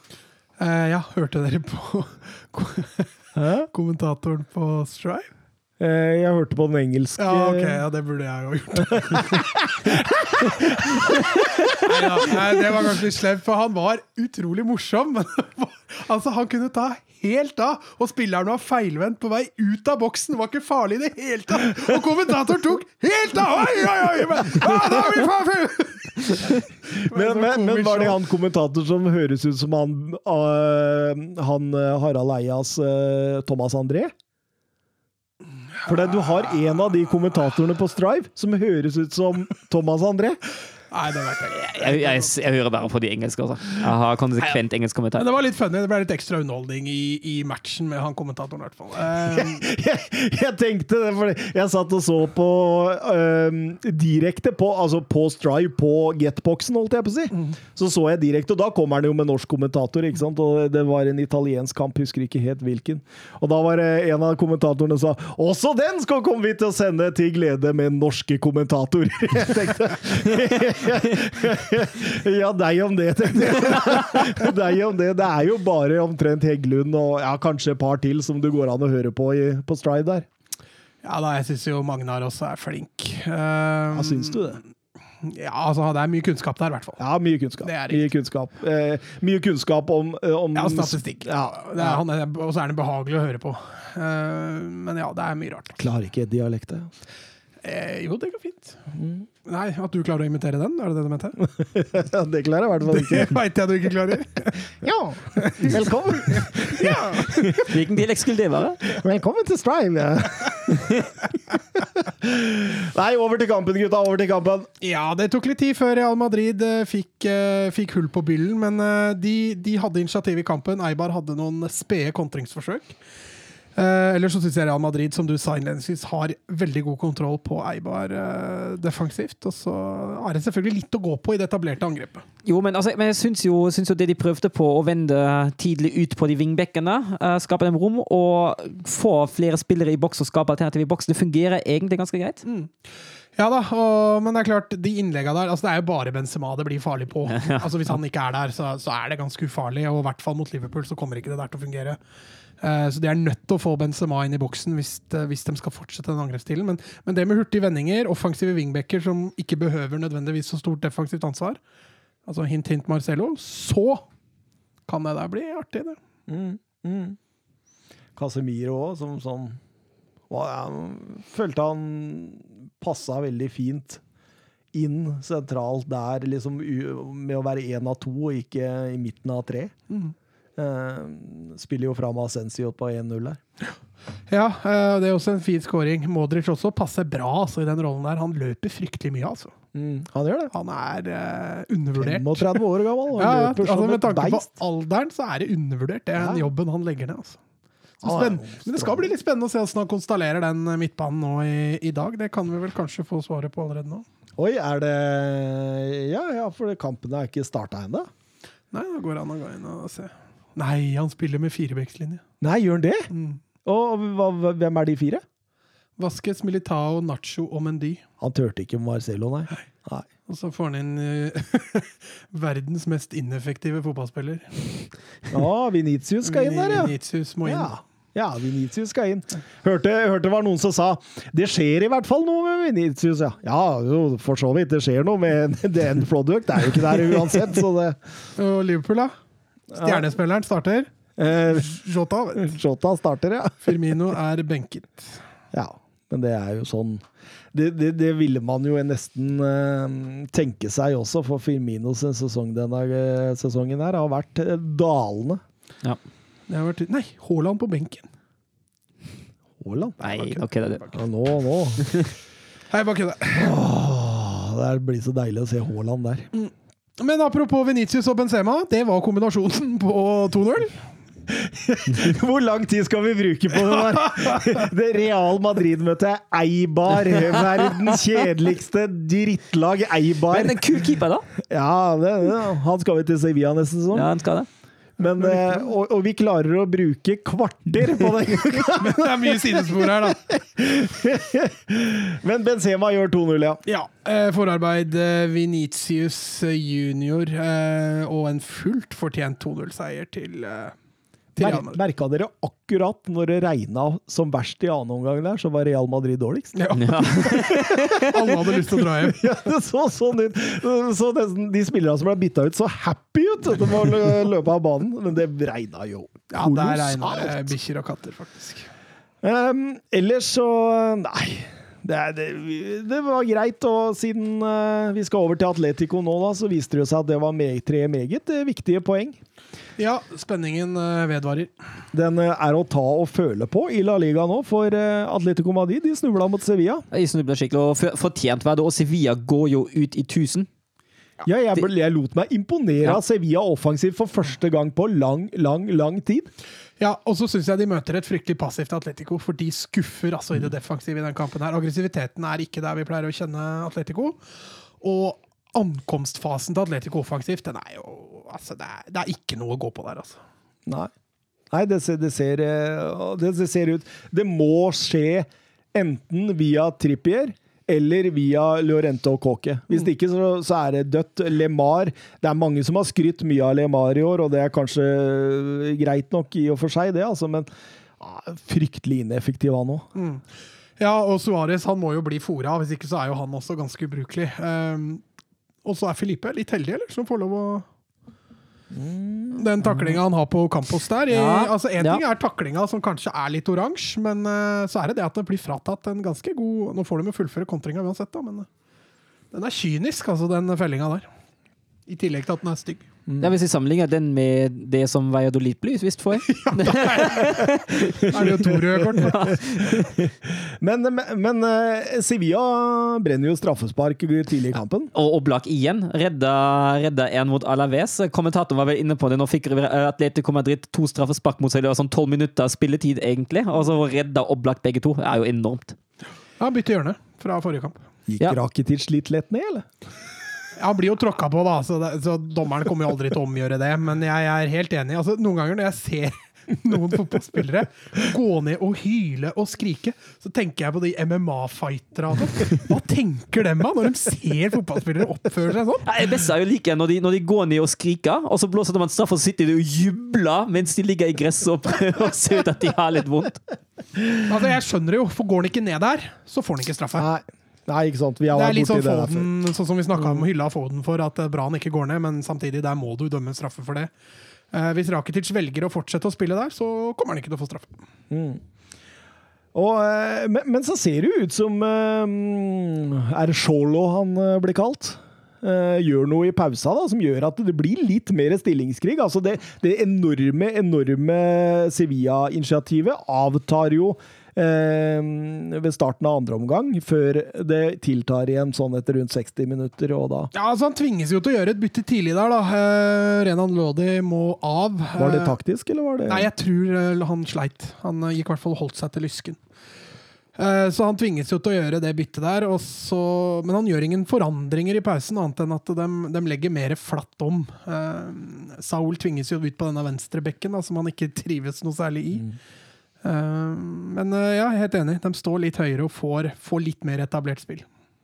Stort sett så er det skudd fra 16 og utover på 23. rad, stort sett. Og, det, og Sevilla kommer inn igjen og, og, og kjører fullstendig kampen. De vinner andre baller, tredje baller, fjerde baller, femte baller, sjette baller. Altså, de vinner stort sett alt, og det virka som om de hadde mye mer lyst til å slå Atletico Madrid Ja. enn det Og så virka det som energinivået i Sevilla var mye høyere. Eh, Jeg syns Atletico virka, det virka tomt, det virka flatt. Det Atletico driver med, og det er litt spenstig. Altså, jeg så på stallen til Atletico for et par måneder siden, når de var så gode, og så tenkte jeg at dette her har jo de breddene og klassen til å dra lett i land. Og så ser du den kampen her, nå er plutselig energien borte. De sitter seks mann på benken. Da tenker jeg, har de ikke et juniorlag engang, eller? Er det ikke mulig å fylle på der? Altså, han har jo så få alternativer, og, i hvert fall da, når han i tillegg tvinges til å gjøre seg et bytte såpass tidlig. Da. Så veldig skuffa kamp av Atletico. Eh, veldig positiv til Sevilla. Eh, dette er noe de bør bygge videre på.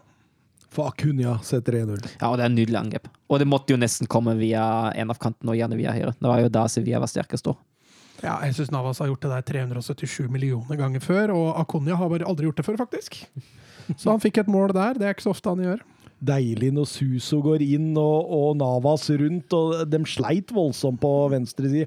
Og det var en av tingene til jeg spurte deg også, hvorfor eh, bytta var det taktisk når Lodi gikk ut, for han sleit jo voldsomt Ja, ja. i den. Han gjorde det. Jeg også lurte på det i starten, eh, på om at eh, han måtte bare gjøre noe.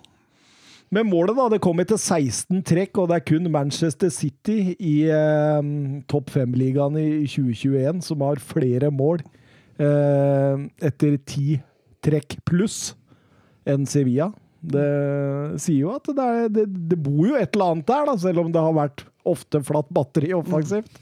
Ja, altså den seieren der eh, bringer jo Sevilla altså Den bringer dem jo ikke noe nærmere mm, medaljekampen, men eh, de kommer litt nærmere gullet. eh, Selv om vi ikke på noen måte lanserer dem som noen gullkandidat ennå, så er det vel nå bare sju eller åtte poeng opp til Real Madrid. Og er det på tide å hylle Hols Condé som en av de beste midtstoppertalentene i den ypperste, ypperste verdensklasse, eller? Har vi ikke gjort det før? Jo, men kan vi gjøre det igjen? Ja, vi kan si gjøre det igjen. Det er, Ja, den kampen kampen spiller. han Ja. her, altså. Han minner litt om Canavaro. Ja, det er nettopp det! Han har jo litt høyden til det òg, liksom. Jo, men litt den der oppofrende spillestilen, samtidig som han, han er jo ikke sånn supergod med beina, men allikevel veldig bra. Og så tenker du, hva er egentlig forsen hans? Han er bare god på alt. Ja. Plassering. Ja, men Posisjonering. duelleringa, han vinner jo selv med den høyden. Han vinner jo Like stor som en boks med cola, men likevel så Ja. Holder han ikke tilbake igjen, nei. Nei, det er voldsomt. Eh, Hadde 79 pasninger, 78 vellykka i denne kampen her også. Så Det sier også litt om at det presset Atletico Madrid hadde, var svakt. Og, og Vebjørn Fredheim spør på Twitter Atletico ser sliten ut. Står gullkampen mellom Barcelona og Real Madrid nå? Ja, jeg er jo egentlig enig med ham, men jeg kan ikke vingle. Må, må jo Vi må stå på det! Nei, jeg er jo altså jeg er enig i at eh, det ser litt, uh, litt flat batteri ut. Og, altså, og så er det jo litt det at eh, vi hyllet dem offensivt tidligere i sesongen. Det er helt borte. Og så ser det ut som at de Atletico-kvalitetene de ellers har, ved å legge seg bak og i hvert fall sørge for eh, pottetett forsvar det, det har ikke vært sånn klassisk eh, tilstedeværende, det heller, de siste kampene. Da blir det litt bekymringsverdig, altså. Ja, altså Neste runde nå kan jo bli litt avgjørende for, eh, for Atletico. Eh, De har jo igjen De skal møte Betis borte, mens Barca og Real Madrid møtes jo.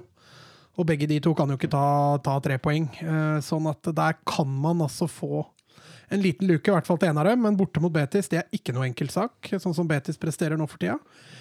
Og så har jo Atletico Madrid igjen Barcelona på kamp. Eh, Det er vel tredje siste serierunde eller et eller annet. Så jeg er litt sånn Jeg har ikke lyst til å avskrive Atletico helt ennå, men det ser ikke bra ut. Altså, de tre siste kampene i La Liga har ikke vært overbevisende for, eh, for Atletico. Mens eh, for de to andre så ser det mer stabilt ut. Og hvis de i tillegg er slitne, da, så er det jo Ja, altså, Når det kommer til kamp da, med seks innbyttere, da går det litt på felgen, altså. Det gjør det. det gjør det. Lopetegis første seier mot Simione. Eh, har seks møter tidligere. Det har endt med fire uavgjort og to tap, så det var deilig for Lopetegi å, å kunne klå uh, godeste uh, Simione, tenker jeg.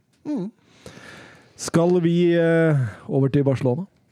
Ja, vi kan jo prate litt om det. Det var ikke voldsomt, Mats. Nei, det var nedtur, ass. Jeg gleda meg veldig. Jeg veit jo Barca sliter ofte med international eh, hangovers.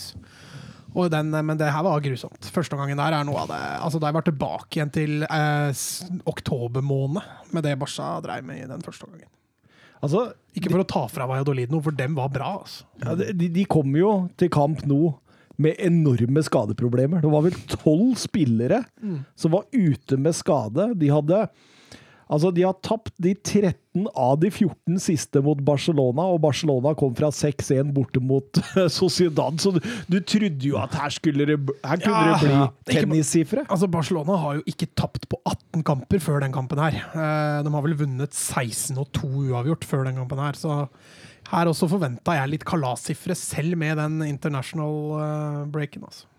Men uh, egentlig så er, var jo Dolid best i første omgang. Ja, var litt av best. Og, altså, jeg syns Barcelona har eh, Ikke bare det, da, men Mats har vært inne på det tidligere. Eh, Når første pressledd svikter, da er det autobahn helt fram. Det Ja, er men nå var det dårlig. ja, Altså, det eh, altså, kan det kalles et første Nei, det, pressledd? det kan ikke det. Det Det kan kan ikke det. Men uh, midtbanen er jo også vidt åpen. Det er jo helt vanvittig.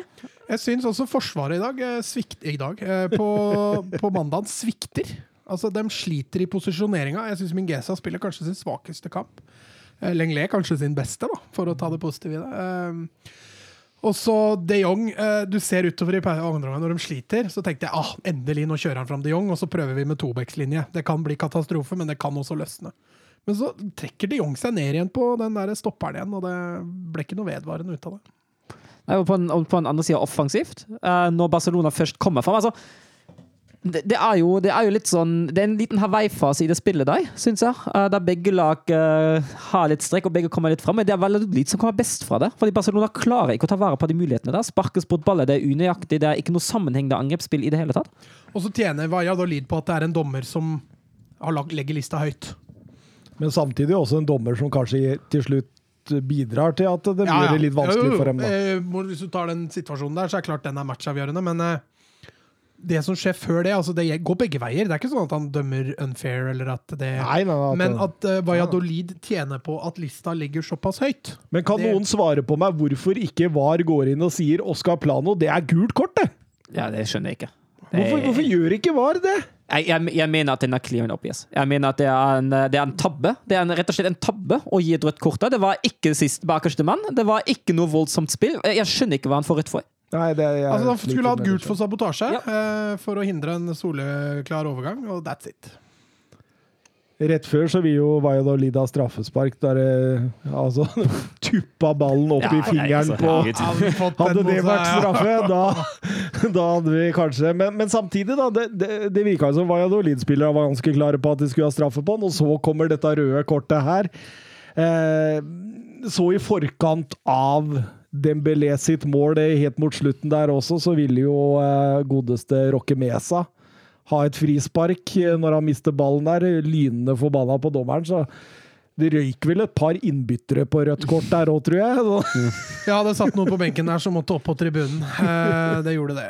Og, men, men allikevel, en, en, en litt bedre andreomgang fra Barca sin side. Jeg syns de får, får bedre betalt for det de Jong-byttet, at de får han opp i midten. Plutselig får de jo et bakromstrussel igjen fra dypet med, med de Jong. Han er jo et par ganger igjennom der. Men ellers så syns jeg flere av unggutta svikter i den kampen. Jeg syns Pedri spiller litt under pari. Jeg syns uh, Mingesa, som jeg var inne på, spiller litt under pari. Dest klarer ikke å involvere seg noe særlig, så Det er litt kjipt å se at vi har blitt så avhengig av de unge, samtidig som, eh, som det er bra også, da. Men eh, du ser jo når det ikke fungerer.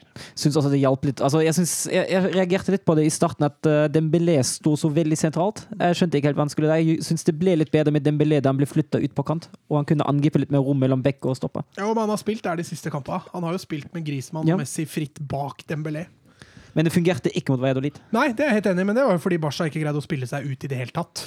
Mm. Altså Det blir jo litt sånn som den England-kampen som du sammenligna. Hjelper jo ikke å ha Lewandowski på topp, for de får jo ikke ballen opp. Nei, nei, ikke sant. Og det er litt den kampen her òg. Det er klart at de gangene Valladolid står høyt, så spiller Barca fortsatt ikke ballen inn i bakrom.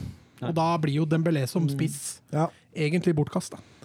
For Dembélé er jo kanskje noe av det bedre som fins offensivt på Barcelona i denne kampen. her. Han prøver i hvert fall. Han skaper eh, Ja, ja, ja. noe. ja, Og, han kommer veldig godt fra det. Og nå, jeg håper de greier å faktisk å fornye. Nå er vi der, altså. For mm. man håper at man eh, kan fornye, men for det driver og hviskes og tiskes om at Manchester United er så gira på han. Ja. Men eh, nå føler også Dembélé at han har en viktig rolle i laget, og jeg Ja. tror han eh, signerer en forlengelse. Altså. Um, Didrik eh, Tofte Nilsen, uh, tror dere et seriegull er det eneste som kan redde jobben til Koman, eller fins det info som tilsier at Laporta har slått seg til ro med han? Ja, jeg har lest flere steder at det kommer til å skje, at uh, Koman får det opsjonsåret sitt. Så jeg tror, eh, jeg tror nok, selv med et sølv eller bronse, så tror jeg nok Prosjekt Koman får eh, en sesong til. Blir det dikt hvis det blir eh, ligagull? Eh, til Koman? Ja, blir det hyllestdikt fra Mats Granvold til Ronald Koman hvis det blir seriegull? Ja, det får jeg se på. Det må komme naturlig. Hvis jeg må tvinge fram et dikt, så blir det ikke noe Skal vi legge en poll på Twitter? Vi skal legge en poll på Twitter. det skal vi. Nei, kan ikke helt ta en sykkeltur, da. Skal Søren sykle til? Ja, det skal han! Nei, men jeg tar heller og sykler. Ja, du tar heller og sykler, ja. ja det er fint. Det er fint. Ehm, eh, dette var eh, første gang eh, siden november 2014 at Barcelona har skåret i det 90. minutt og vunnet 1-0. Det sier litt om det laget også, tenker jeg. Ehm, 18 La Liga-kamper på rad uten tap. Strålende. Jeg var ikke oppe i 19 da, med Ja, den er, kampen. det, er det 19 nå? Den kampen ble vel nummer 19. Kan godt hende jeg leste de opptatt-tallene før kampstart. Eh, og bare tre har de uavgjort, så det, det, det tyder jo at dette blir bra, Mats. Det gjør det. Da skal vi over til Dortmund-Frankfurt, og da kan jeg bare si det at eh, jeg planla å se den kampen i dag. Det gjorde de ikke via Play, for de har sletta den. Så jeg har bare fått med meg eh, highlights, og den kan egentlig Søren uh, dra igjennom. Ja, det kan jeg godt. Uh, starter jo litt, uh, litt spennende da Terzic med laget sitt. Han setter jo faktisk Guerreiro på tieren. Og så setter han uh, Chan som høyrebekk, og det var et eh, litt skjebnesvangert valg, som det skulle vise seg, i hvert fall på 1-0. Uh, Ja, det ble hjalp jo ikke å ikke ha Gureiro på venstrebekken nei, det gjør i den duellen, da. Det gjør ikke det. Det Schulze plutselig tror han spiller for Frankfurt. ja, altså, den headinga var jo klokkerein. Ja, Ja, helt kjempe, nydelig. kjempe, kjempeskåring. Ja, Lewandowski hadde ikke gjort det bedre. Ja, Fantastisk.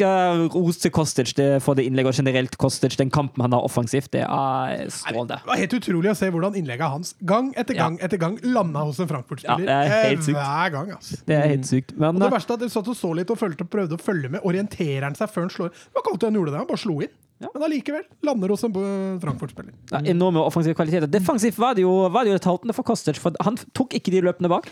Nei, men det ble han ikke straffa så hardt for. Nei, eh, det skyldes jo også at det var en norsk spiss som ikke hadde sin beste dag. Ja, altså er Chan eh, er jo ikke, Ja, er ikke altså, herregud, ja. god høyrebekk. Nei, og, og jeg syns jo Dortmund har de samme problemene som før. Dortmund sliter med å skape, skape muligheter. Nå er Jaden Sancho ikke på banen. Da forsvinner et, eh, et vesentlig eh, et vesentlig brikke i, det, i Dortmunds angrepsspill, uh, og da blir det vanskelig. Det trengs, uh, det trengs noe genialt. Det trengs flere bevegelser. Den eneste som bevegde seg bak linjen, var jo egentlig Haaland. Det var den eneste som fikk sjanser, og nesten. Men han, han får så Han får ikke de clear and obvious sjansene Nei. nå som det han får når han er i form. Men nå blir han ofte ta skudda litt sånn på kanten, på skrått. Han tar litt sånne sjanser som han normalt sett ikke ville gjort før. da. Og det tror jeg er litt med at han er litt desperat etter å få en scoring nå. Det har gått fryktelig lang tid siden forrige mål. altså. Ja, da, det er jo fire hele kamper, inkludert Gibraltar nå, for eh, Haaland uten mål. Ja, sist var mot Köln. Ja. Nei, det, det, det ser ikke bra ut. Du ser at det, han misser litt i mottak, i medtak, han misser litt med timing. Det er ikke, alt er ikke som det skal nå, altså, men, eh, men det kan jo plutselig slå ut Ja, ja, men det tror jeg også snur. Eh, jeg tror nok dette bare er eh, en downs han får. eh, og så tror jeg nok ikke det blir lett å, å løsne det mot City i dag. Det kan fort skje at ikke det skjer nå, men eh, at han før sesongen er over har bøtta inn en 7-8-9 mål til, det skal du ikke se bort ifra. Altså. Det tror jeg nok. Det tror jeg nok. Altså, Sett under ett kan vi jo si at den kampen den er jo jevn. Eh, men jeg syns Dortmund de gjør litt det samme som mot Köln. Det bølger veldig fram og tilbake. Det blir ekstremt stort strekk i begge lag på midtbanen, og det gagner ikke Dortmund i det hele tatt. Nei, men det er som du sier, da, de er så fantasiløse offensivt. Ja, at, eh, herregud. Det er, altså, det er Du får helt jo håpløst. mark av å sitte og se på dem. Ja, det er faktisk altså, det, det er som trengs av Sancho. Hvis du har Sancho og Guerrero på venstresida, da skapes ting. Ellers sliter Dortmund voldsomt. Og er. Mokoko ute resten av sesongen? Ja, det stemmer det. Skal, kom skader seg før, eh, før, U21, eh, før, kamp, før en U21-kamp, og så ut resten av Men, sesongen. men Reina syns jeg har blitt Han visna litt. Ja, Ja. det syns jeg òg. Ja. Men eh, jeg, tror, jeg tror også han, eh, han sliter litt med at systemet offensivt ikke fungerer. Altså. Fordi um, en Sancho ute kunne jo åpna plass for Reina, mener jeg. Med, med at du får da litt det geniale det der sånn. Men Hazard altså han har vært skada lenge, da, men han også er helt Ja, blåst. Roy, Royce var ikke god, han heller.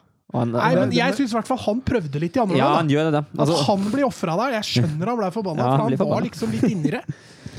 Men det er, det er mange spillere i Dortmund nå, så jeg føler på en måte Det er ikke, Ikke- så sexy som det var, da. Nei, og, det, og, og det, de tar ikke like store steg som de har gjort tidligere. Noen har stoppa helt opp, og andre har nesten gått i reverse. Altså. ja, Bellingham har ikke sånn kjempeutvikling heller. Nei, absolutt ikke. Og Reina, som du sier der. Og um, du, du, det fins jo også flere. Dahoud, som man hadde stor tru på en stund, Ja. har jo stagnert fullstendig. Sa- Zagadou- Akanji syns jeg ikke er sånn voldsomt bra.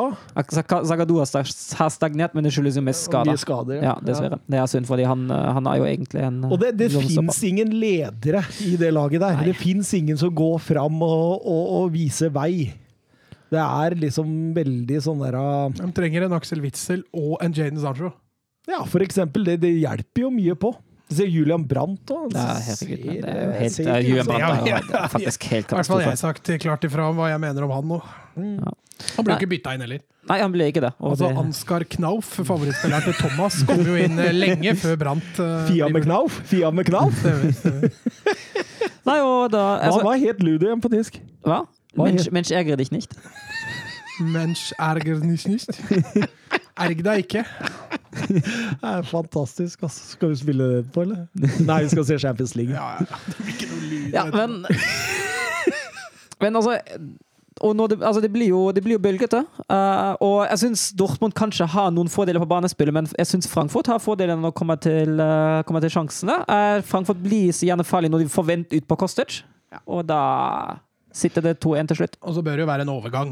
Det er jo Ja, der de er det- vassest. Jeg syns ikke Frankfurt får til noe særlig etablert. Nei, de gjør ikke det. Men Enig. så fort de greier å ta Dortmund i ubalanse, så blir det jo farlig med André Silva nesten hver gang. Altså. Hva er, hva er eh, forholdet Silva og Haaland nå? Haaland står på 21. Jeg lurer på om Silva står på 22? Ja, det? Ja. Har han ja. ikke ett mer? Jo, jeg tror det, jeg tror han det. gikk forbi Haaland nå. Så det, han tapte ikke bare kampen, han eh, kom under også i, i den Hvem er nest best etter Lewandowski? Ja, tippa ikke vi eh, Vi ble bedt om å tippe toppskårerlista i Jeg husker jeg tippa, jeg tippa Lewandowski, Haaland, Verhorst. Det var min. Så gærent, det. Nei, det, Jeg tror jeg tippa Lewandowski, Haaland, André Silva. du gjorde det? Ja, ja. Nei, det Nei, er, jeg gjorde ikke det. jeg, altså, jeg, I denne podkasten der så får jeg så mye spørsmål om å tippe at jeg, jeg klarer jo ikke å henge med hva jeg sier engang. så da må vi, jeg må spole tilbake, jeg, hvis jeg skal. Men jeg kan Veldig ofte når jeg får sånne spørsmål hvor du skal tippe litt, da, og, og, og på en måte gå inn i krystallkula, så, så øh, prøver jeg alltid å finne en Altså, jeg tar ikke de tre mest eh, på en måte klare, da. Jeg finner alltid en liten outsider som jeg skal stå ved, for da er det bedre å si Se der, du. Kanskje det var du som sa André Silva? Kanskje det. Kanskje det. kanskje det. Nei, jeg- det veit jeg ikke. Men eh, vi går videre til Og der, søren! Den har jeg heller ikke sett. Nei, og vet du hva? Du har ikke gått glipp av noe. Ja, Eh, men, men nå skal jeg fortelle deg. Fordi Er det Wolfsburg du skal jeg, jeg skulle på påskeaften, tror jeg det var. Så slo jeg på Viaplay. Satt der hele familien. Og spør, spør samboeren hva skal du nå? Jeg skal se Wolfsburg-Køln. Det ble ikke tatt godt imot, for å si det sånn. Så, så for husfreden sin skyld, så tenkte jeg ja, søren få ta den nå. Ja, vet du hva, det er greit. Og eh, jeg sa jo Jeg sa jo før sending til deg, Thomas, før Mats kom inn her, at jeg syns det er et lite mirakel at eh, Tottenham, Barcelona og Wolfsburg presterer som de gjør, så ender de opp med sju poeng samla i den runden her. Eh, og Burde det- vært null på alle. Nei, ikke nødvendigvis, da. Eh, men sju er jo, eh, er, jo, er jo et veldig godt utbytte for de kampene de har prestert, for Wolfsburg spiller en Jeg syns når Mats snakker tilbake i oktober, sier jeg faktisk den har faktisk sesongstart for Wolfsburg. Altså første omgang det er som å se dem i september, da sesongen starter. Det er helt katastrofe. Det er fryktelig. Presset sitter ikke. Det er ekstremt store rom eh, bak bekkene. Det er null kontroll på kampen. Det er Köln som, eh, som kjører den kampen, som er det beste laget. Og det er Hector treffer jo en i tverrliggeren der, og Wolfsburg sliter med Jonas Hector hver gang jeg Så ser han begynner å le nå! Hver gang jeg, hver gang jeg sier et eller annet om Jonas Hector, får jeg dobbelt og tredobbelt tilbake når vi møter dem. Nei, det er en fryktelig førsteomgang. Det er egentlig heldig at uh, Köln ikke leder, og det er heldig at Köln ikke skaper flere sjanser. For det er veldig mange gode situasjoner fram til boksen, og så er det et dårlig valg rundt boksen som gjør at Köln ikke får den kjempesjansen likevel. Og det skal Wolfsburg være glad for, for det var svakt. Men eh, Champions League ble sikra nå. blir jo det, for de andre om... Eller det blir ikke, ikke helt det, men det ser jo veldig sånn ut med tanke på at Dortmund tapte. Elleve poeng ned på sju kamper igjen. Det er Skal godt gjøres at du ikke blir med på sykkeltur. Altså. Nei, lukter sykkeltur lang vei, det her. Eh, for andre omgang blir det litt bedre. Det er fortsatt ikke en eh, kjempegod kamp, men eh, presset sitter, bedre. Laget løftes litt bedre opp. klarer å stenge av sentrum, at det ikke kommer så mange crossere ut på de kantene da det hjelper. Babo og Rosijos står tettere på sine motspillere, markerer dem bedre også offensivt. Og da tar Wolfsburg over banespillet uten å skape veldig mye, men uh, en uh, skikkelig krigerinnsats av Vord Vechos som styrer ballen videre til Brekkalo mot tre mann, det sikrer 1-0. Og så sitter jeg så herlig og ser Vechos som kjemper liggende videre den ballen til Brekkalo, og så skårer Brekkalo, og så sitter Vechos og jubler av full hjerte på bakken. Det er nydelig bilde.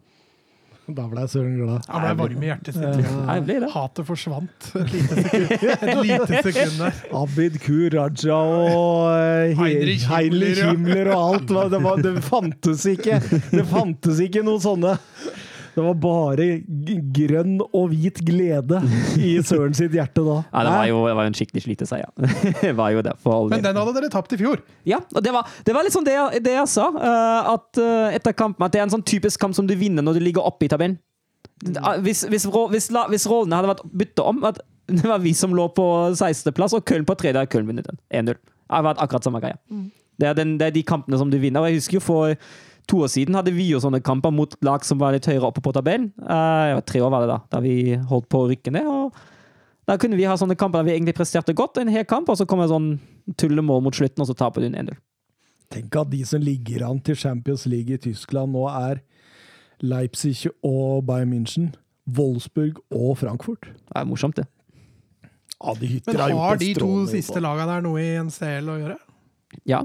Hvis de kvalifiserer seg sportslig gjennom serien, skal de Jo, til jo, men altså, så dukker dere opp i Champions League neste år, mm. og så får dere så hatten passer. Hvis ikke dere er griseheldige med trekninga. Jeg vet ikke, altså Wolfsburg har jo hatt eh, to Champions League-opptredener så langt i sin, karriere, i sin historie. Den ene at, at laget vant seriegull eh, 08-09. Da havna man til slutt på en tredjeplass i gruppa, etter to tap mot Manchester United og ett mot CSKA Moskva. Og så havna man foran uh, Besjiktas og gikk videre til Europa League.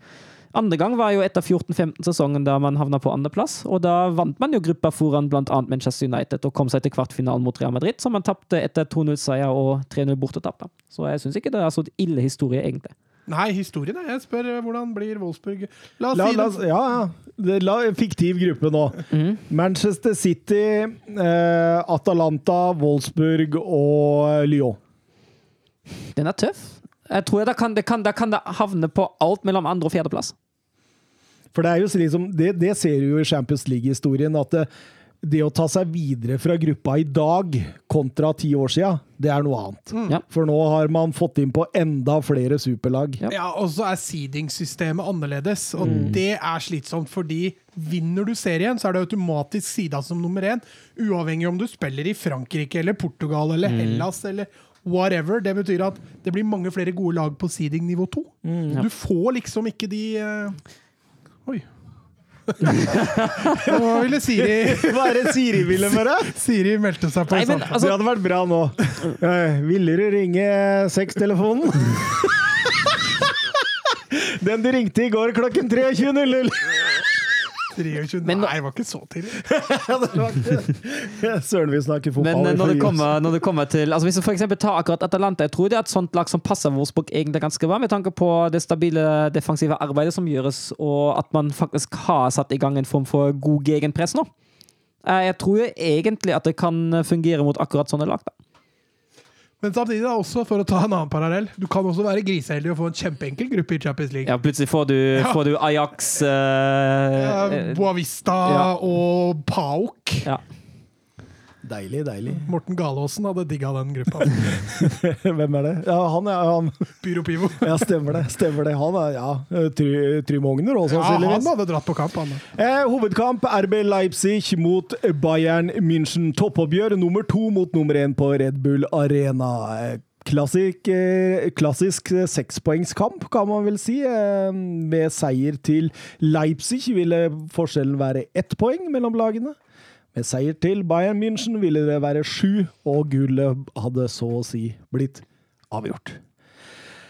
RB Leipzig eh, kun én seier mot Bayern München i sin relativt korte Bundesliga-historie. Da er vi tilbake i 2018, hvor de vant 2-1 etter mål av Keita og Timo Werner. Eh, tilsvarende sist sesong 0-0. Eh, motsatt oppgjør i denne sesongen, forrykende 3-3-matchen, som jeg også tror vi hadde som Det hadde vi, ja. hovedkamp. Mm. Eh, noe ved lagene, Søren Døpker? Ja, jeg kan jo starte med Leipzig. Og Pambichano ble frisk. Det var jo ikke helt uh, sikkert at den skulle bli, så han starta. Sørloth havna på benken. Uh, derimot var både Angelinho og Halstenberg, som havna i karantene, ute. Uh, kampen pådro seg sitt femte gule kort, og da valgte Nagelsmann å løse sånn at han gikk tilbake på en firebeckslinje, uh, med Klostermann som venstrebekk, Mokiele som høyrebekk. Heidara Haidara og Moen Konko bak Forsbekk, så han uh, starta igjen med en form for falsk nia istedenfor å sette på en eh, stor og høy brøytespiss. Så tror jeg han velger den Sabitzer Adams for å demme opp for uh, Choupo-Moting. For uh, Goretzka og Kimmich. Ja, eh, jeg også eh, Altså, stusser jo litt på Altså, jeg er aldri noe sånn Når lag kommer uten rein midtspiss. Når du da ikke er noe sånn supergodt så spillende lag, da. Så jeg ble litt skeptisk når jeg så det. Når det gjaldt Bayern, så kan du jo lure på om det kanskje hadde Han har vært best uten. like greit å spille uten. Ja, men, ja, men der kunne jo nesten du putta Müller Mm. og opp som uh, falsk nier, og så kjørt uh, Gnabry Så- eller Musiala ja. eller noe. Mm, kunne det. Men han velger da Chopomoting. De har jo litt problemer, de òg. Lewandowski er jo som kjent ute. Eh, så mangler de jo også Boateng og Davies, som må sitte i Eller ikke i, i covid-karantene, men som pådro seg karantene med diverse kort forrige kamp.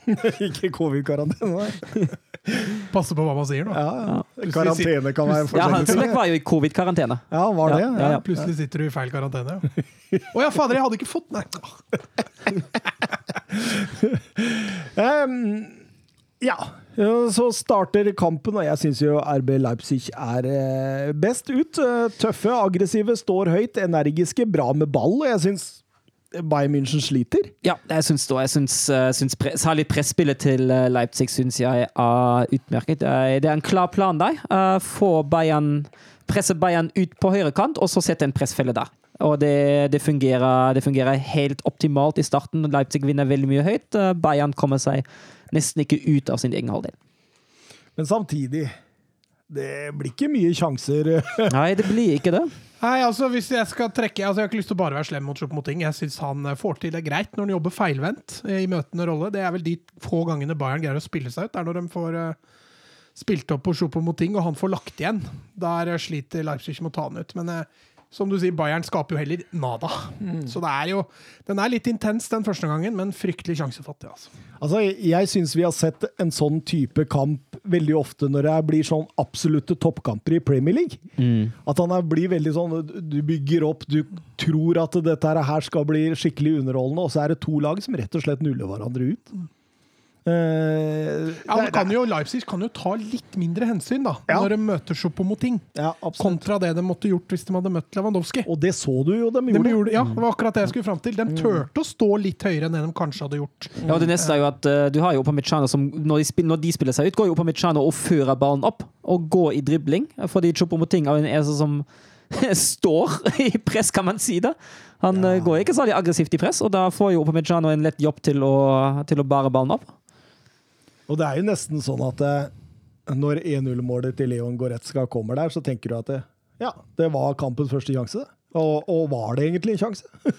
Ja, det var jo det. Altså, det er jo, her vil jeg jo si at eh, linja til eh, Leipzig ligger litt dårlig. Eh, For det første så ligger stoppera altfor langt eh, til siden, og, følge, og løpet til Müller følges ikke. Det er greit, det kommer kanskje sånn litt sånn skjult, men eh, det er dårlig, dårlig markeringsspill der fra Leipzig. Også den eh, innleggsfinta er jo strålende. Han drar jo bort eh, Er det Sabitzer, eller er det, er det, er det Adams? Som han? Det er Adams. Adams. Altså, eh, Nydelig skudd, da. Nydelig skudd, Men jeg tror, altså, den første touchen til Müller tror jeg er litt heldig. Jeg tror Ja, ikke, den- den, den- er nok ikke planlagt, altså. Han eh, kløner litt der, men eh, den blir jo bra, da. Ja. Flaks i flaks. Og det er grusomt effektivt å sette den. Ja, og så når du senker kampbildet, så bare Og så veit du at Leipzig ikke akkurat har vært i nærheten av å skåre mål. Da. Og det var litt sånn som med deg, du heier litt på underdoggen. Da. Du gjør jo det. Uh, Ja, så heier du litt på spenninga. Du vil gjerne at det skal bli Ja, spennende i de neste kampene. så det var litt kjipt. Uh, så når du da nærmer deg pause der, satt med en uggen følelse. Altså, at da tar Bayern. Allerede da. Sané får en brukbar sjanse rett etterpå, som Gulashi eh, flikker ut der. Men, eh, mm, men ellers så er det Altså, det er nesten Ada med sjanser, altså. Ja, det er det. Det, det havner jo også på en kan vi si det nå allerede, det havner jo på en XG på 0,49 mot 0,6, så det var jo ikke så veldig mye å ta av i andre omgang heller. Det blir litt bedre. Ja, Særlig- det blir, men jeg, jeg syns jo Leipzig også kommer ut fra annen Ja. omgang mye bedre, og, og da produserer de jo litt sjanser. Ja, jeg, jeg synes jo, altså for Han bytter jo ut uh, Forsbekk med Kloivet, og jeg syns Kloivet absolutt er en berikelse. Jeg syns jo han, uh, han er leken og skaper litt ting på sin side, på sin kant. Uh, Konko blir, blir falsk nia. Jeg skjønner jo ikke altså Jeg syns jo Leipzig slo jo en del høyt i boksen uh, i første omgang. og jeg hadde jo egentlig venta at det kom inn Polsen eller Sørloth, for, å ha en, eh, for å ha en litt mer target man der inne som kan skape litt trøbbel for Bayerns forsvarsspillere. Du hørte Roar Stokke kjeda seg under kommenteringa. Han begynte å telle ned til når Sørloth skulle komme inn. da veit du du kjeder deg, vet du. Ja, men altså, jeg syns RB Leipzig gjør det bra i starten av, av annen omgang der. Og jeg, jeg skjønner byttet til Nagelsmann, at han vil ha inn litt mer bakromstrussel der, Ja. fordi eh, de fikk jo ikke utnytta det bakrommet Bayern egentlig ga, men samtidig så syns jeg også Bayern ikke ga like stort bakromstrussel her som de gjorde, gjør mot veldig mange andre lag. Altså Akkurat som om de tok litt hensyn til noe som ikke bødde bli ta hensyn til før ut i annen omgang. Nei, og det, det, de, altså, jeg er enig, for særlig Bekkene står jo mye lavere. Det kommer færre overlapp fra bekkene, det kommer færre offensive løp fra, bek, løp fra bekkene. Og, altså, jeg syns jo Sali Hernandez eh, gjør en, eh, gjør en veldig god kamp på sin side. Absolutt, absolutt. Olmo har et par gode sjanser der. Ja, og den ene der bør han vel også kanskje gjøre mer ut av. Er det den du trenger han trekker seg inn, eller? Mm. Eh, og så kan han også løfte blikket, for det er også bevegelser i boks der, så han kunne kanskje gjort eh, enda bedre vinkel, men eh, Nei, Leipzig kunne, Men allikevel så sitter du og føler altså, at Leipzig er et lite stykke unna å score. Men, men- ja, men det er det, det, det jeg tenker på, nå kommer jeg fram til det store spørsmålet jeg har i løpet av denne kampen her. For jeg tenker jo det, vil ikke Leipzig tjener på å variere presshøyden mer? Fordi du så eh, når de sto høyt i første omgang, og så blir de, eh, så blir de slitne, og så orker de ikke å opprettholde det presset der. Og så får de eh, Bayern München bedre tid, og, og, og får satt i gang eh, bakfra mye mer, og får satt i gang grunnspillet sitt, som gjør at de kommer inn i kampen. Og jeg tenker her nå, hvis Nagelsmann hadde senka laget mye mer, og hvilt på en måte bak der, fordi det, uten Lewandowski så var det ikke den store boksetrøbbelet. så kunne de spilt på seg press og skapt rom bak isteden, hvis du skjønner hva jeg mener. Ja, jeg skjønner, jeg skjønner hva du mener, og særlig med, med det vi har vært snakka om for uh, to-tre episoder siden, om at Leipzig sliter litt med det etablerte spillet. Så hadde jo det absolutt vært, en, uh, vært et godt alternativ for å kunne få Bayern litt mer ubalanse enn det man da fikk. Ja, for jeg, jeg føler at, eh, at de, de, de, de går litt tomme i det aggressive presspillet sitt. da. Og, og Bayern spiller sånn, sånn sakte, men sikkert inn i kampen igjen. Fordi når de presser høyt, så er de sabla gode. Men så klarer de ikke å gjøre noe med det etterpå. Det er det som er problemet der. Og, og da åpne et bakrom og kunne angripe for en Cloyfert, for en Nkonko og sånt, det kunne gitt resultater, tenker jeg. da. Ja, men så tror jeg også at det at de ligger under 1-0 i gåseøynene såpass tidlig, da, gjør at et par alternativene til Nagelsmann faller bort. da. Mm. Det å kunne ligge lavt i lengre perioder for å hvile, eventuelt kontre, det, det tror jeg ikke han tenker så mye på. Du tenker han kanskje hadde tenkt det hvis han leda 1-0? Ja, Eller at det var 0-0.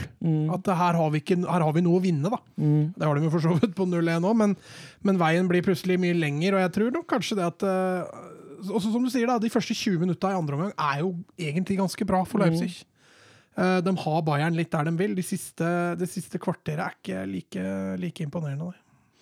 Nei, og det, det tror jeg jo er fordi de går litt tomme for krefter igjen, som i første omgang. Ja, og Så blir det litt systemforandring igjen når de får inn på to spisser der, og plutselig så skal de begynne å kjøre med spisser. og Ja, Dette- Fra ingen rein spist Ja, til to på kort tid der. Ja. Men altså, dette har jo Leipzig trent på gjennom en hel sesong, da, med, med mange systemforandringer i løpet av én og samme kamp. og sånne ting, så At Leipzig kunne mestra det, det, det er jeg helt overbevist om at de kan. Men eh, Bayern er for gode, altså, rett og slett. Og når Moting eh, løper i offside der eh, etter en meget god eh, Bayern-overgang, så tenker jeg finnes det noe større gap mellom førstevalg og spissreserve i fotball-Europa enn Lewandowski-Moting, søren? Nei, det gjør ikke det. Det er jo et alternativ i Barcelona, da. Messi, Bra- ja, hvis, du, hvis du tar Messi som spiss, da, eller? Ja, nei, Ja. nei. jo, jo. Messi og Braithwaite. Ja, det er, det er jo gapet enda større, vil jeg si. Ja, er det det? Ja, jeg syns det. Jeg syns, Er? Braithwaite er en dårligere fotballspiller enn Chopo Moting. Jo, jo, ja. Men du syns Lewandowski er bedre enn Messi? Ja, men jeg, jeg vil ikke se eh, Messi som et sånn rent spissalternativ. Jeg, jeg mener at Barca ikke er med i den konkurransen. Ja, det er fair. Jeg tenker liksom Haaland tigges, seg. Nei, men der, fine, der får du Mokoko. Ja. Og der er det litt closere. Ja, det er enig. Kane Venitius, closere. Eh, Aguero Jesus har vært closere. Eh, Jo, men uh, Firmino Jota ja, der har du et stort gap. I favør Jota, Der eller? spilte, der spilte jeg Der spilte jeg det. Eh, men eh, nei, altså det, de, de klarer rett og slett ikke å bryte ned Bayern München, rett og slett. Og jeg syns Bayern spiller en god defensiv kamp, og, og det er sånne ty altså Selv om du sitter når dommeren blåser av kampen, så sitter du og tenker at det her var jammen RB Leipzig best. Men Bayern München vinner, og det, det er ikke tilfeldig, vet du. Nei. Det er ikke det. Ja, altså, altså, selv om du syns at, altså, at Leipzig er jo best i banespill, ja, for all del, men altså, det kommer jo nesten ingen sjanser heller. I hvert fall ingen store. Absolutt ikke. Ser Julian Nagelsmann spiller litt kvitt eller dobbelt mot slutten og, og sender ut det han kan av offensivt skyts, men det, det, det går ikke, rett og slett. Neuer var så å si arbeidsløs gjennom hele kampen, og, og Bayern tar 1-0-seier som gjør at Bundesliga-gullet nok er sikret. Eh, resultattips eh, ingen poeng til noen av oss. Nei, det blei ikke det, dessverre. Tenk det, at vi skal sitte her med hovedkamp med Bayern München, så er det ingen av oss som tipper Bayern München. Det er litt sykt. Men uh, viser seg jo vi hvor stor uh, Eller hvor liten tror vi er på Choupo-Moting, hvor stor tror på Lewandowski. Det var Sjopo mot ting mot RB Leipzig. Det var det vi tippa her. nå. Eh, Banens beste har vi det. Skal jeg begynne, eller? Det er sjelden, kan- sjelden kan det, du kan det. Jeg må finne den fram først. Leon Goretzka. Eh, tre poeng. Eh, matchvinner. Eh, god eh, både defensivt og offensivt. Så Drivin, som er sånn deilig. Nå syns jeg Leon Goretzka har vært dårlig, eller svak, de siste to, tre, fire kampene jeg har Dette var jo en kamp som passa han perfekt. da. Det var jo det. det var Fikk i tillegg lov å være matchvinner, så var det greit. Og Alfonso Davies sin reserve, Lucas Hernandez, har jeg på to poeng. Jeg syns Nkoko får lite til på sin kant, og det er åpenbart derfor han blir også trukket inn etter hvert. Eh, Nydelig. Eh, Så, så vil jeg gi Willy Orban ett poeng. Jeg syns han gjør en eh, prikkfri kamp defensivt, så å si. Ja. Jeg er nesten helt enig med deg, men jeg har da satt eh, Orban på to, ja. Fordi jeg syns, eh, jeg syns Orban har full kontroll på Choupo-Moting. Eh, ja, altså det, det har han jo, men altså Men altså Thomas har hatt full kontroll på Choupo-Moting. ja, Greit nok, da. Men hvis du, ser, hvis, hvis du sammenligner han med, med Opamechan Jeg syns uh, Orban spiller en ryddigere kamp. Jeg syns Opamechan roter, roter bort uh, noen baller sånn egentlig helt upressa. Uh, ellers hadde jo han vært altså Hvis man ser på det rent defensivt, hadde Opamechan vært en like god kandidat. Uh, men syns offensivt gjør Orban en bedre kamp. Og så er jeg enig med Hernandez, og Goretzka er jo en soleklart beste spilleren på banen. Ja. Ja, jeg er enig med Thomas.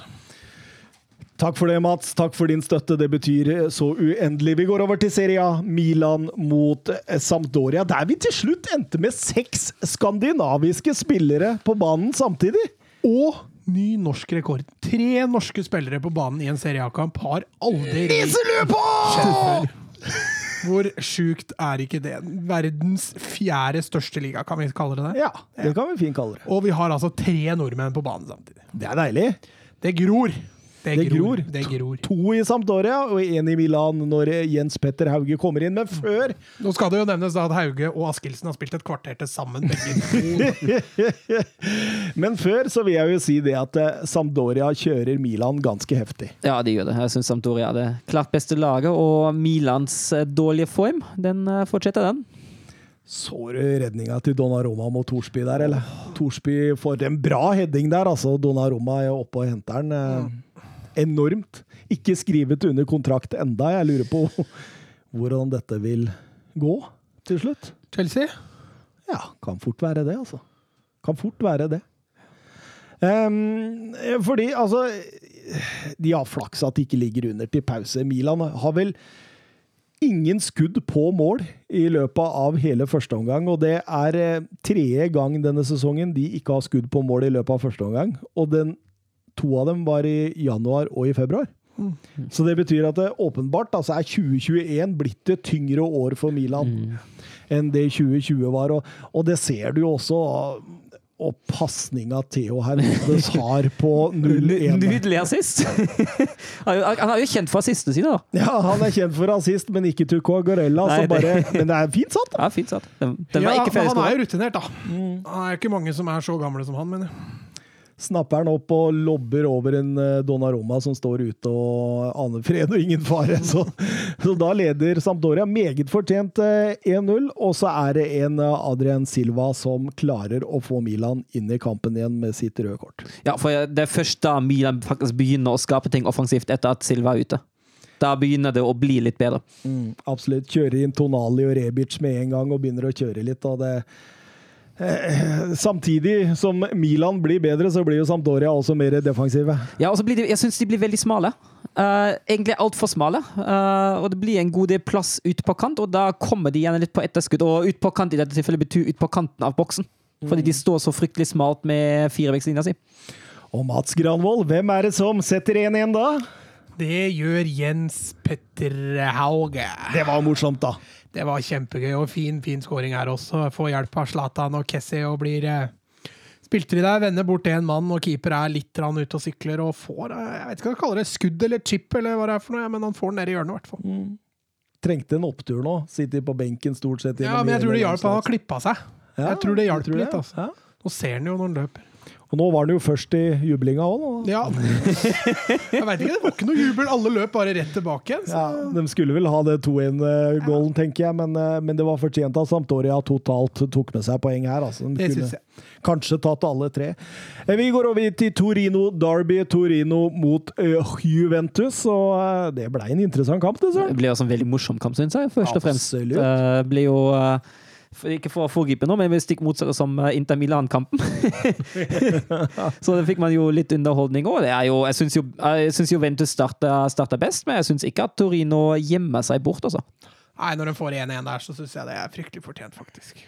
Sanabria der som uh, setter 1-1 etter at Chiesa har sett, satt uh, 0-1. Chiesa som hadde en god del sjanser i Ja, forkant der. og Altså. jeg syns han var på i den matchen. her Han brenner riktignok, som du sier, noen sjanser, men uh, Men Chiesa syns jeg var bra. Sanabria, tidligere Spiller, eh, skårer to. Fine mål. Kan vi sette spørsmålstegn ved Sjesjny, eller? Det På begge. På begge, ja. Jeg er helt enig. Ja, fryktelig keeperspill på begge. Han har nok, eh, har nok et par gode redninger mot slutten der, men altså, de målene der Jeg setter et kjempespørsmålstegn med Mattis de Ligt i denne kampen her også, for han blir eh, rett og slett tråkka på spisbare Belotti og, og Sanabria. Eh, litt sånn deilig kløver på topp der, med Sanabria og Belotti, og, Belotti og Verdi rett bak. Ja. Eh, artig å se Det se er litt Turino. sexy òg, Ja, det det, det, det er det, altså. De, de eh, ryster Juventus ganske heftig her en periode, altså. Mm. Det går jo 13 sekunder ut i annen omgang før eh, Sanabria setter 2-1. Ja, det er jo grusom gavepakke der også fra Juve, så Kulusevski som eh, bestemmer seg for å drive litt veldedighet. eh, Litt à la Theo Hernandez gjorde i Milan-matchen. Så Sanabria utnytter jo det perfekt, men som Søren sier, det er jo keeperspill på, på ganske lavt nivå, egentlig, at han ikke får den ut. Du skal ha nærmeste Ja, hjørne Så slår hun inn i målet ditt, liksom. Nei, det, det var voldsomt. Men så våkner Juventus etter 1-2. Da må du si at Juventus våkner, at de begynner å spille, at ballen går fortere. Det går ut på kant. Codrado kommer til en million innlegg. og, Ronaldo han blir bare surere og surere utover i den kampen der. Du, du ser jo at dette er en kamp som virkelig betyr noe da, for spillere. Altså, det er Torino og Derby. Det gås til! Og, og det er jo nerve i kampen der hele veien. eh, Men du, det, det, altså, det er ikke feil når Ronaldo setter 2-2 der, i forhold til kampen. Jeg synes det, var, altså det var jo først et mål som ble annullert, og så viste det seg at han var to centimeter onside, så det var jo var jo greit, og At det var Ronaldo som skåra, det var vel ingen, eh, ingen bombe. Eh, og at det går av den banen der med 2-2, det syns jeg var helt greit. Ikke veldig ulik uh, Ulik Mason Greenwood sitt mål for Manchester United. Ganske likt, altså. Ja, bare fra motsatt, ja. Ja. Mm, helt enig. Det er sleivspark fra Kelini, sleivspark fra, fra, Pogba. fra Pogba, og heading inn fra en femmeter. Eh, Juventus ville jo selvfølgelig hatt så mye, mye mer, og mm, du, nå, nå Alt blir jo lagt til Inter nå. Skudettoen er sikra, Mats. Ja, allerede, faktisk. Med én kamp mindre spilt. Ja. De, eh, de, de eh, hva skal vi si, krangla inn en seier mot Bologna. Det, det, det var det de gjorde. De krangla. For det der, der, det var ikke Det var ikke stor fotball i det hele tatt. Jeg skal love deg, Conte sov sinnssykt godt den natta. Ja, han kosa seg. Han kosa seg. Ja, ja. Absolutt. Altså, det, det er noe av det kjedeligste jeg har sett på lang, lang tid, men Lukaku, effektiv. Ja, han krangler jo inn den 1-0-skåringa. Minner om den skåringa Brighton hadde mot United. Ja, litt sånn. Ja. Litt sånn. Uh, nei, det er, det, det er rotete, det er slurvete. og er- Fra begge lag, egentlig. Jeg Mm. Syns at det, det, dette her var ikke noe reklame for Serie A. Nei, Altså. men jeg må jo si at jeg syns i andre omgang altså, Bologna er bitte litt nærmere 1-1 enn Inter er 0-2. Men, Men det er ikke mye, ass. Nei, det er ikke For mye. begge Det er ikke mye, på nei, jeg vet. 0, et eller annet. Ja, du, du ser at Inter liksom bare de, de legger seg og tenker vet du hva, vi spiller på de kontringene vi gidder å gå på. men det, det, var jo Ranocchia inne der og um, men, men, men skal vi hylle Bastonis innlegg og overlapp? Altså, det var overlappende midtstopper på 0-1-målet, altså. Litt sånn Sheffield United. Ja, litt sånn eh, Chris Wilder. Ja, Kanskje han plukka det opp fra tida i England, han godeste Conte. Plukka det med seg. Nei, Bastoni er et kjempetalent. Ja. Eh, Begynner å seile opp. Ja, han eh, ser ut som en million, og kanskje nå er i ferd med å ta steget foran De Likt som det store stoppertalentet i, i Serie A. Hvis du henter Bastoni og Huls Condé, da har du et godt midtstopperpar for noen år framover i tid. Det vil jeg tro, ja. det må være PSG eller City da, som gjør det, da. Eller United, kanskje. Inter har vunnet ni strake i Serie A for første gang siden 2007. Det var også da de satt Serie A-rekorden, som er på 17 strake seire på rad. Eh, Lukaku runda 20 i Serie A. Det er kun sju Inter-spillere i historien som har eh, klart 20 pluss to sesonger på rad. Eh, Hernan Crespo. Icardi og eh, Vandanara. Og eh, Christian Vieri er på lista. Christian Vieri? Han var, han var målskårer, altså, Søren. Ja, han var det? Han var det for mange òg. Han var litt rundt omkring. Ja. En tank, svær beist med god fart. Eh, Norge husker vel han fra VM i 98. 98. ja. Var det da Pagliuca fikk rødt kort? Nei, det var i Tidlig i 94. Nei, det var 94. Jeg blander de to, jeg. Hele det, da var tida. det Dino Baggio som skåra. Baggio var det. Vi må over til Frankrike og Paris Saint-Germain mot Lille. Da satte jeg meg ned og kosa meg glugg i hjel, for jeg gleda meg voldsomt til å se de tre Jonathan og Lille i aksjon. Eh, hva tenker du? Hva sitter du igjen med etter denne kampen, Mats? Eh, veldig skuffa over PSG. Eh, de har én god periode, og det er de 10-12 første minuttene, hvor jeg syns de er bra. Eh, Lill eh, veldig, kommer liksom ikke ut i startblokkene i det hele tatt. Eh, og så Det som snur egentlig kampen litt, er den skaden til Jonathan David, som får seg en skikkelig kilevink og et par gule kort i PSG der. og så skårer rett og slett Lill på det påfølgende angrepet. Herlig angrep, hvor de serverer opp med Det er vel Ikoné på høyresida som serverer David inn, som setter han i mål. Etter det så syns jeg PSG nesten ser litt rysta ut, altså. Det er flatt batteri, Neymar får ikke til, Mbappe får ikke de riktige ballene. Eh, Paredes får et tidlig gult kort og ligger liksom sånn på grensa hele veien. Eh, Kim Bembe spiller riktignok en strålende kamp, men uh, ellers syns jeg ikke imponert over det PSG leverte. Altså, hvis du ser på, altså, på 1-0-skåringa, et frispark Kommer jo rett etter frispark i midtsirkelen, der de står og krangler i fire minutter. Ja, det det. Og så og- og så ses altså, virker det jo som på PSG at de tar det frisparket kjempekjapt. De er jo ikke forberedt i det hele tatt. Jeg skjønner ikke at det går an å henge så lite med, når du har krangla fem minutter på det frisparket der. Og Lill ligger jo bare og, og kontrollerer defensivt og angriper romma mellom stopper og bekk hele veien. Bare sender Bamba og Ikone inn i det der rommet der hele tida. Det blir mye returløp for disse to stoppera, altså, som må Ja, syns jeg Benjamin André var eh, bra spiller. Altså. Fytterakkeren, han overraska positivt. Eh, Font og Botman er også solide bak der. Det er klart, de, får ikke, de blir ikke satt på en ordentlig test. De rydder. De rydder, ja. Um, Renato Sanchez eh, er kanskje liv i han allikevel, uh, så han syns jeg imponerte bra. Men det er som du sier, Ikone og Bamba som, eh, som er beholdninga offensivt for Lille. Altså. Porcetino så litt Rådvill. Ja. Det virka som han ikke helt visste hva han skulle gjøre. Jeg gjorde et trippelbytte ut med begge bekka, ut med Moiskin. Keane. Eh, fikk Mbappé helt opp for å Altså, når det er sagt, da får jo høres PSG ut til å være dårlig, men, men altså, totalt sett så er jo de kanskje det beste laget. Ja da. Men de skuffer allikevel, altså. Um, Du kan, kan jo si det, men du kan også si at for Lill sin del hadde jo en perfekt gjennomført matchplan. Det er, Definitivt. det er jo akkurat som de ville ha det.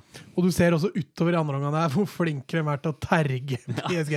Og det er liksom ingenting som skal til. Det er bare en liten Nei, gnist, så eksploderer det. I hvert fall på han ene.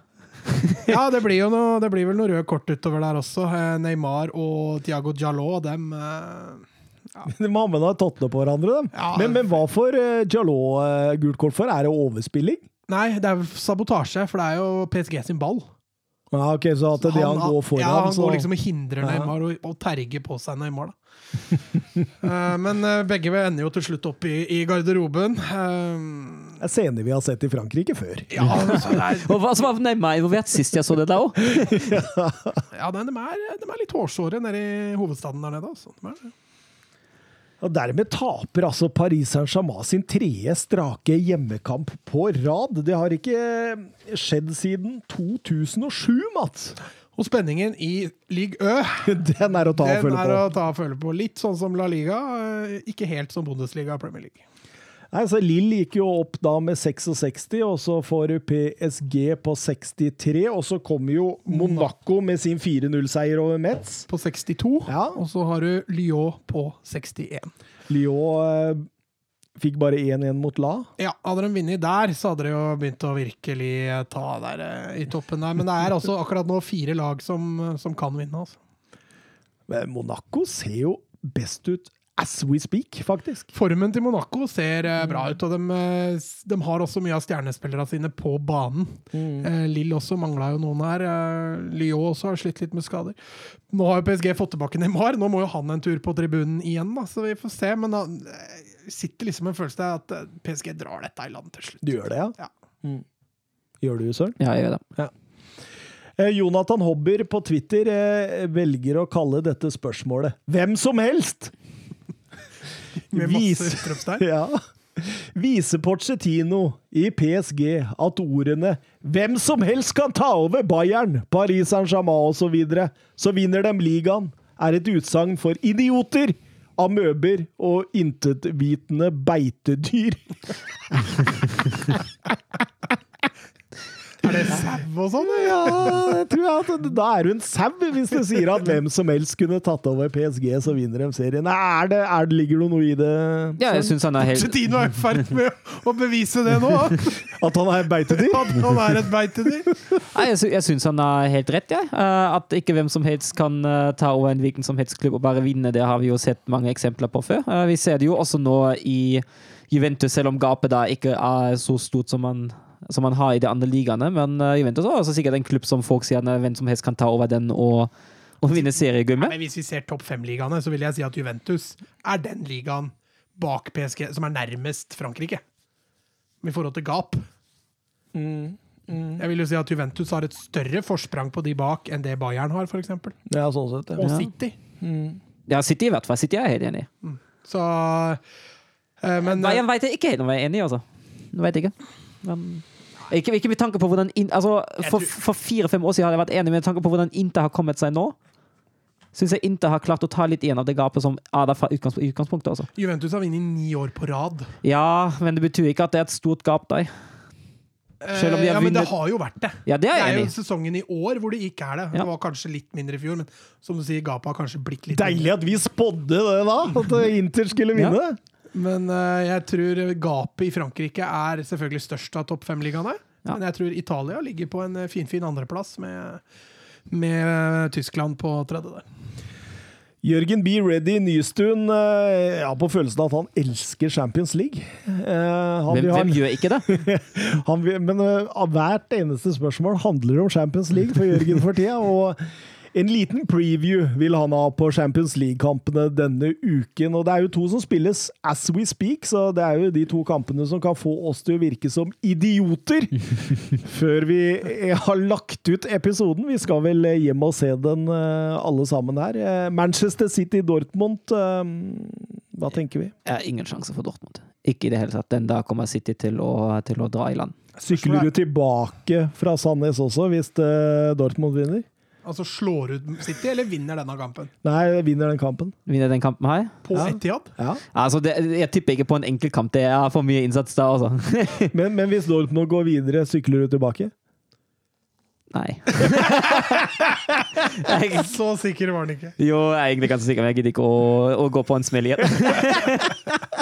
Nei, jeg, jeg, tror, jeg, tror, tror City kommer til å dra den fint i land. Altså, jeg kan ikke se hva en Dortmund i den formen som de er nå, mot City så, i den formen som de er nå. Nei, altså- Dortmund uten en eh, fornuftig trener til og med på benken. Er, Men her, her tror jeg liksom at City, City er jo vant til å kjøre over motstandere nå, og så slakker vi ned tempo, sparer litt krefter, eh, bare rir det ut.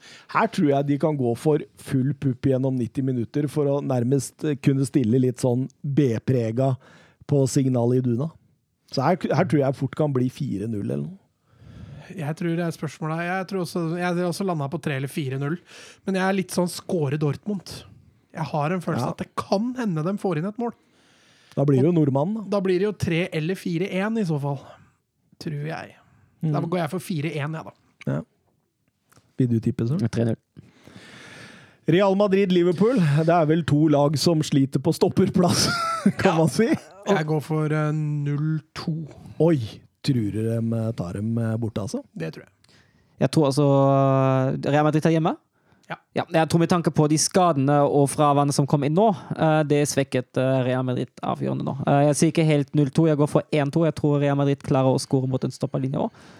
Men uh, det, hadde, det var veldig veldig jevn, og så vippa det i favør Liverpool etter at eh, Ramos og Varane ble skada. Jeg synes jo først og fremst det er litt dumt at vi ikke får Ramos-Sala-duellen. Det hadde vært veldig artig, men uh, altså, det er forskjell på Liverpool og Eibar, altså, selv om Real Madrid imponerte meg i helga. 1-1, tenker jeg. 1-1. Og så går Liverpool videre på Anfield. I morgen så har vi um, Bayern München, Paris Saint-Germain. Bayern hjemme òg. Den, den er jo tøff. Bayern har jo uh, Uten Lewandowski, det er jo alltid spørs. Uh, jeg holder nesten en liten knapp på PSG da jeg sier ender PSG. Selv om, altså, selv om jeg heller ikke PSG er i form. Jeg tror de klarer å løfte seg til Champions League-kamp. Jeg tror de klarer å gå videre. Hvis vi får se om Lewandowski blir frist til, til returkampen. Vi får se, men jeg tror de har en liten fordel i morgen. Jo, men hvis PSG leder etter i morgen, tror du Lewandowski snur dette? Den kan fort det. Vi får se. Vi får, vi får se. Rart du ikke valgte han på draften din i stad. da. Ja, jeg finner to gode andre spisser, altså. Jeg gjør det. Eh, grunnen til at jeg valgte Lewandowski, handla jo om at det fins ikke noe annet fra Polen. Det er akkurat det. det! Ja, Det er velger han, ja. Han, han som kasta inn to mål i helga. Nei, Søren skal velge han. Han pleier å velge de som driter seg ut i Men ja, de, men de driter seg ut etter at de har valgt Ja, det. er klart. Ja, det er sant. Hva tenker du om eh, Nei, den er fryktelig vanskelig. Men jeg tror ikke det bare blir ett mål i den kampen. Uh, kan jeg ta og være litt ballsy, og så sier jeg 2-3? ja, 2-3? Oi, oi, oi, du forventer fyrverkeri i morgen, du. Ja, det er jo to lag som ikke kan forsvare seg for tida. Ja. kan, kan, kan, ja, nå var vi gjennom en hovedkamp hvor de var ganske bra. Det var det var. Men uh, ja. Jeg tror det blir jevnt, eh, svinjevnt, men eh, Bayern vinner 2-1. Eh, Porto-Chelsea. Der holder jeg Chelsea som store favoritter, til tross for som de gikk på mot uh, West Brom. De vinner den, her 2-0. Er det i Portugal? Mm. Nei, jeg tror ikke Jeg tror det blir 1-1, jeg. Å, det var det jeg skulle si. Jeg kan jo si det, jeg òg. Ja da, du kan. 1-1. Uh, Vebjørn Fredheim på Twitter likte Ruben Amorim-saken til Thomas sist. Uh, det er artig. artig. Uh, noe mer man kan, som kan forklare suksessen til sporting? Skal vi begynne med en sjette liga, eller? gutt?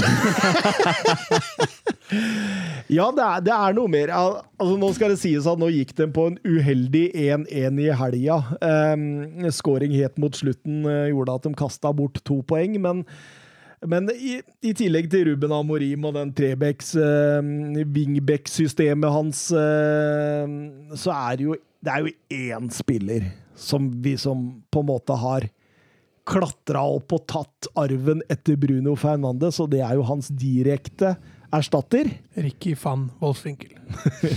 Pedro Gonsalves.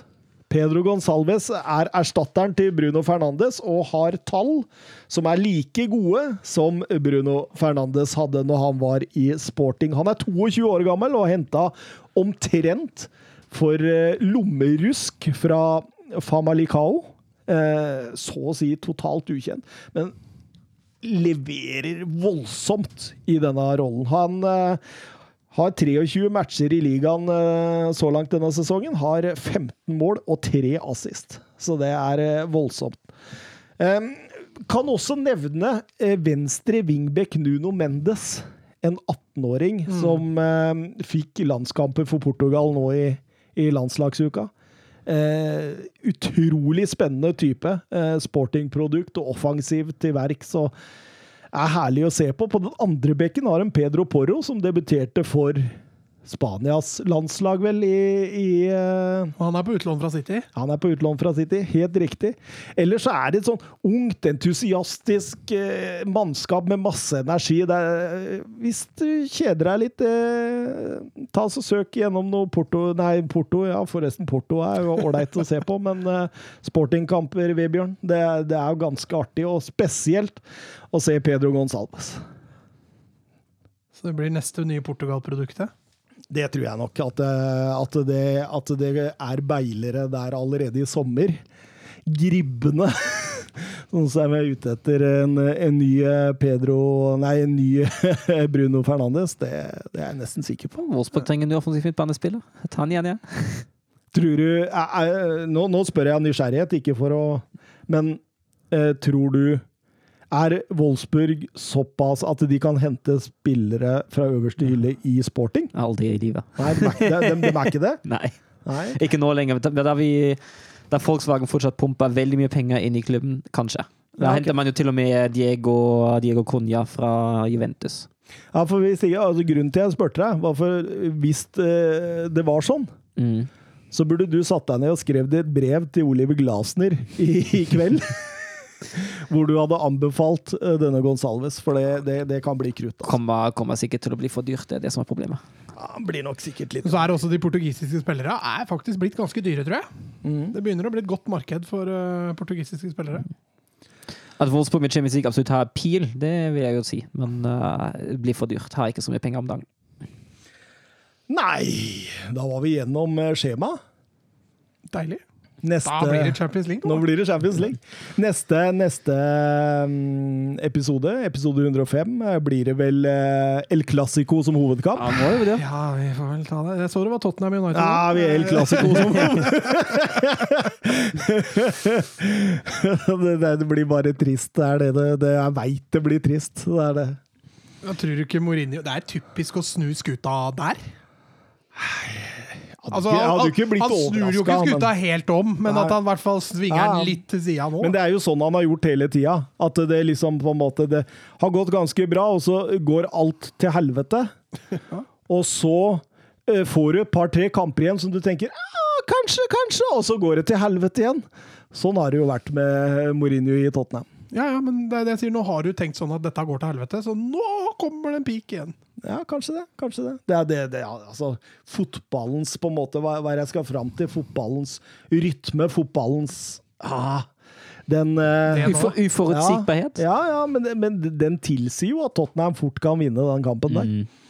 United som flyr høyt, og Tottenham som krisemaksimeres. Så De har jo spillere til å, å, eh, til å gjøre det, så vi får se. Men jeg har ikke store forhåpninger, i hvert fall. Og det er jo nesten litt deilig å, å, å Å gå inn der og ikke være Ja. så bekymra for ja, tap. ja, ikke sant? Fordi du har forberedt deg på det i gode, lange tider, og så får du heller ta det som en positiv overraskelse.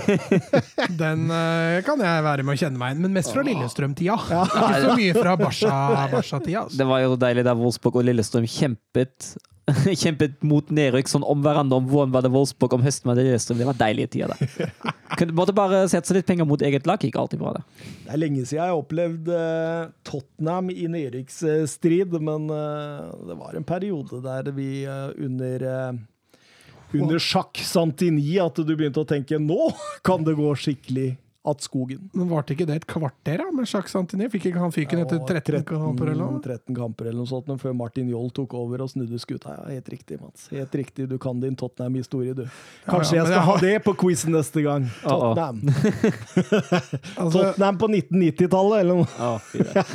jeg kjenner jo deg relativt godt, og brutter'n er Tottenham-fan, så jeg er omgitt av uh, Tottenham-idioter. ja, mm, bokstavelig talt. Nei, vi bør ikke dra dette lenger. Vi skal se alle Champions League. Eh, Alle to. Alle to. Søren ser litt på toget, gjør du det? Eller? Ja, jeg gjør det. Ja. ja. Men du skal legge deg. Jeg må jo på jobb i morgen. Ja. Du, I Søren sitt Altså den guiden vi snakka om. Ja, ja. Det er leggetid klokka Ja, tolv. ja. Du, du skal ikke et minutt over over nei, tolv. nei, vi rockerer ikke med Nei, det. nei, nei. Altså, eh, Søren kommer til å fortelle eh, barnebarna sine historier da han var våken over tolv. Ja, ja, ja. En gang så glemte han klokka, nemlig. Og da Nei, vi avslutter med å um... Si adjø. Adjø. Ha det. Ikke noe visdomsord. Nei. Ha det! Messi. Surging forward with real menace here. Brilliant from Messi. Oh,